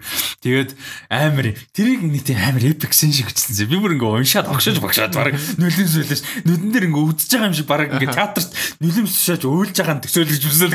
Яасан гэсэн чинь ингээд нөгөө нэг ёслол нь болдсон шүү дээ. Нөгөө Black Panther кинон дэр үзсэн шиг. Тэг ингээ Mbaku бас 90 зөв нөгөө Tribe-таага challenge хийх гэж байгаа шүү дээ. Тэгээд Shuri нөгөө юу байх гээд Black Panther болох гээд тэгээд challenger байна даа. Тэгээ өөр хүн байхгүй байжгаад нэт T'Challa-г respect хийгээд ихэнх нь challenge хийхгүй тэгээд Mbaku challenge хийх гэж байгаа байхгүй. Хамгийн мэдээж нөгөө жүжигсэн том те бас visible leader нь болохоор тэг ингээ эренгүүтээ амар epic challenge хийж ирэхснээр шууд Mbaku хиний Shuri-г өмнө сүгдөөд Shuri-г ингээ Black Panther болоо. Гэдэг proof те ингээ respect яаж яаж ийна гэд бүтэнгэр тийм юм ингээ амар гоё бицэн би тэрийг өсч амар огшиж нөлөөс цэлгэж байгаа. Сонсож амар дээ. Нөгөө нэг юм график дээр нэг амар э, нарны цаана ингээд амар чаала харагдаж. Нөгөө юу шиг симбаг симба шиг ингээд чаала харагдаж. Тэгээд тэгээ яг Тэд яа тэгж бодож бас тэгтээ ер нь бол genuinely тэгвэл гоё юм болоо. Заавал Баку гэлтгөө зүгээр ер нь шүүрээ байл. Тий, ер нь яг чамтай л адилхан бодолтой. Яалчгүй Дичалаг бол орлуулна гэж ямар ч ойлголт байхгүй. Байх ч ёсгүй байх угаасаа. Угаасаа ч тэд нар тихгүй л байлгүй дээ арайч те. Тийм болохоор яг шүүри яг дараагийн мантлыг нь авах уугүй юу гэдэг амар том асуудал. Тэгээд тэрийг яг яаж бичих үү гэдэг бас амар том асуудал. Уул нь Ryan Coogler чинь биччихсэн юм байлээ шүү дээ. Тийм тийм тийм. Тийм тэгээд э, одоо тэгээд яг тэр зохиол нь яах уу гэдэг амар том асуудал болчихж байгаа. Тэгээд э, яа Тийм тэгээ бас дээрэс нөгөө комик бас юу байгаа л да. Story байгаа л да нөгөө Shuri нөгөө Black Panther болдог. Тэр чинь нөгөө Black Panther болоод омгийнхоо Wakanda-гийн нөгөө Queen болчихж байгаа шүү дээ. Яг тэр хооронд гэхдээ T'Challa өхөөгүй. Юу болсон бэ гэхээр нөгөө юу King of the Dead гэдэг нэг тийм юм болдог байхгүй нэг тийм temple маягийн юм ингээд хамгаалдаг ч юм уу тэгээ дээдтэй холбоотой тийм нөгөө тийм нэг тийм God of Death шиг нэг тийм юм болчихсон. Нөгөө нэг Seth-ийн хоёр үлэн хоёр бурхан байдаг тэр хоёр уу? Нэг бурхан шиг чим шиг нэг тийм бурханы хамгаалагч чим шиг нэг тийм өөр юм болчтой. Аха аха. Тийм тэгээд тийм талаас нь бас яаж болох юм. Тэгээд шүүри болох байх л та ер нь бол тэгж бодож байна. Баку ч болохоор нөгөө яг өөрөө Panther tribe биш нөгөө өөрөө бас нэг илүү gorilla tribe-ийн гар болохоор бас яг хуу mantle нь яг яаж таард юм байгаа мэдэхгүй байна. Тийм тэгээд уул нь Killmonger амьд байсан бол тий. Тий тэгсэн бол яг Killmonger яг яаж таарсан. Яа тэгээд Michael B Jordan бол нэг бас гоё тий. Бас нөгөө талаас. Тэгээд э, Тийм тэгээд би бас сүүлийн сүүлийн үеийн сүүлийн доо нэг бас Michael B Jordan бас яг яаж байгаа бол гэж амар бодсон. Тэгээд би бас харсан чинь Letitia Wright-ийн хоёр Michael B Jordan одоо хүртэл ямар public statement хийхгүй. Ямар амар хэцүү байгаа гэж харин тийм надад л яг тэгж бодогдсон. Ryan Coogler хүртэл ингээд байж байж байгаа тэгээд нилээн бодож байгаа л юм би ярьж ярьж ах шиг нөгөө тэр хоёр ч гэсэн бас амар хэцүү байгаа. Тий, тэгээд ер нь бол тий, ер нь л чамтай л адилхан бодолтой бодолтой байна дөө. Тэгээ хүмүүс тэгээд угаасаа Black Black Panther ч яг хоо T'Challa-г бол яалчгүй орлоо гэсэн ялгаатай яаш байх. За За Anya Taylor-Joy Queen's Gambit ярьсан. За New Mutant яагаад failed үг нэг failed юм байхгүй зүгээр л амар average average юм шиг л харин тийм л болтой. Тийм би яг үзээгүй байгаа. Тийм үзчихэд угаасаа review хийн тэгэхээр тэр үед нь яриа үзчихэл хэлээ. Гэхдээ фейд бүр амар фейд биш юм шиг үлээ. Тийм. Амар average. Зүгээр л average. Яг жаа Stackman-ыг яг гарангууд нь үзсэн. Окей. Яаж жаад нэг амар удаан хугацаанд ингээд нэг хайп бүрдсэн болохоор амар average болонгууд kind of disappointing. Ууч сайн жишээ. Тийм. Гэхдээ хин бол амар таалагдсан гэдэг жишээ. Screen Junkies Eric Golden дээр бол амар гоё фан байсан. Би ингээд амар том X-Men fan хин Anya Taylor-Joy бүр амар гоё. Надад бол overall амар таалагдсан гэж ярьж байна лээ. Тэгэхээр таалагдчих магадгүй. За тэгээд Tenet Blast trailer дээр нэг explore Tenet шин трейлер гарсан юм. Нөө final trailer гэж гарсан шүү дээ. Тухайд нь ярьсан байх. Тухайд нь ярьсан л байх шүү дээ. Tenet-ийн трейлер гарсан л бол ярьсан. Ярьсан л байх шүү дээ. За за за за. За энэ дүргээ тэгээд дуусгаж энэ Instagram дээр бас тэр байна 7 гэдэг дагаараа ad dadko гэд дагаараа тэгээд кино урлаг pop soil entertainment ертөнц бас маш том гар зарсан юм 7 нэг бол яг хуу өөр бас зөндөө гой мундаг уран бүтээлчд бас мэдээж ингээл э, нас орж байдаг те харамсалтай болж байдаг мэдээж яалтчгүй анхаарал чаддаг бөөс нь илүү татж байгаа. Аа тэгээ тэрийг бас э, ярихгүй болохгүй санагдаад эхний хэсэгт бол ярьлаа. Тэгээд Events with Rusty Group руу орцоогоороо тэгээ ер нь а нэлээд апдейтүүд байнга явна шүү. Одоо ажлууд улам эрчимжээд явж байгаа түрүүн жигжигтэй холбоотой апдейт өгсөн announcement те хийсэн те тэрэн дээр бас дагцгаараа одоо жигжигийн сайт сайт app дээр Rusty Talks live гэдээ байгаа. Одоохондоо тест хийгээл байгаа. Тэгээ явандаа яг доктортой яг live хийн тэр нь 9 сарын 15-наас 11 сарын 15-ны хооронд бол 7 хоногт 3 live явах нь наа. Нэг нь хөлбөмбөг нэг өдөр болгон. За тэгээ 7 хоногийн дундуур одоохондоо 3 дахь харж байгаа. Гэхдээ явандаа жоохон өөрчлөлт мод нэг кино цог гэнэ тэргээд а тэр нь бол Q&A байна. Асуулт хариултын юм сонирхолтой. Тэгээ нөгөөх нь бол Sunday Night Live маань потенциал шил одоо юу жиг жиг руу шилжих нь байна. Тэгээ та бүхэн үзээрэй, дэмжээрэй гэж хүсмээр байна. А нэг тийм ялгаа байхгүй шүү дээ Facebook дээр үзэж байгаас ер нь бол тэгээ тийм учраас жиг жиг дээр аккаунт нээцгээгээрээ app татаарай тэгээд гой дэмжээрэй гэж хэлмээр тэгээ та бүхэн жиг жиг одоо app-ыг суулгаад аккаунт нээгээд тэ манай лайвуудыг үзээд дэмжиж байгаа нь өөрөө маш том дэмжлэг болон бидний цаашдын ажилд маш их тусуулж байгаа хамтарч ажиллагаа ажиллаж байгаа байгууллагуудад бас ингээд одоо бидний ажил эргээр хүрж байгаа те зорилготой хүрэх юм учраас та бүхэн маань бас сэтгэлээрээ сайн дэмжиж өгөөрэй гэж хэлмээр байна. А сэтгэлээрээ гэдэг нь genuinely content үзээд гэсэн үг шүү зүгээр нөгөө нэг share хийгээд өгөөрэй гэдэг шиг тийм биш шүү зүгээр genuinely хийж байгаа content үзэнгээ те оролцсонгоо дэмжиж өгөөрэй гэж хүсмээр байна. За тэгээд энэ хүргээд Rusty Talks podcast-ийн 96 дахь дугаар өндөрлж чинь дараагийнхаа дугаар дугаар бүх контент юмнуудаараа уулзцаа баяр та. Баяр та.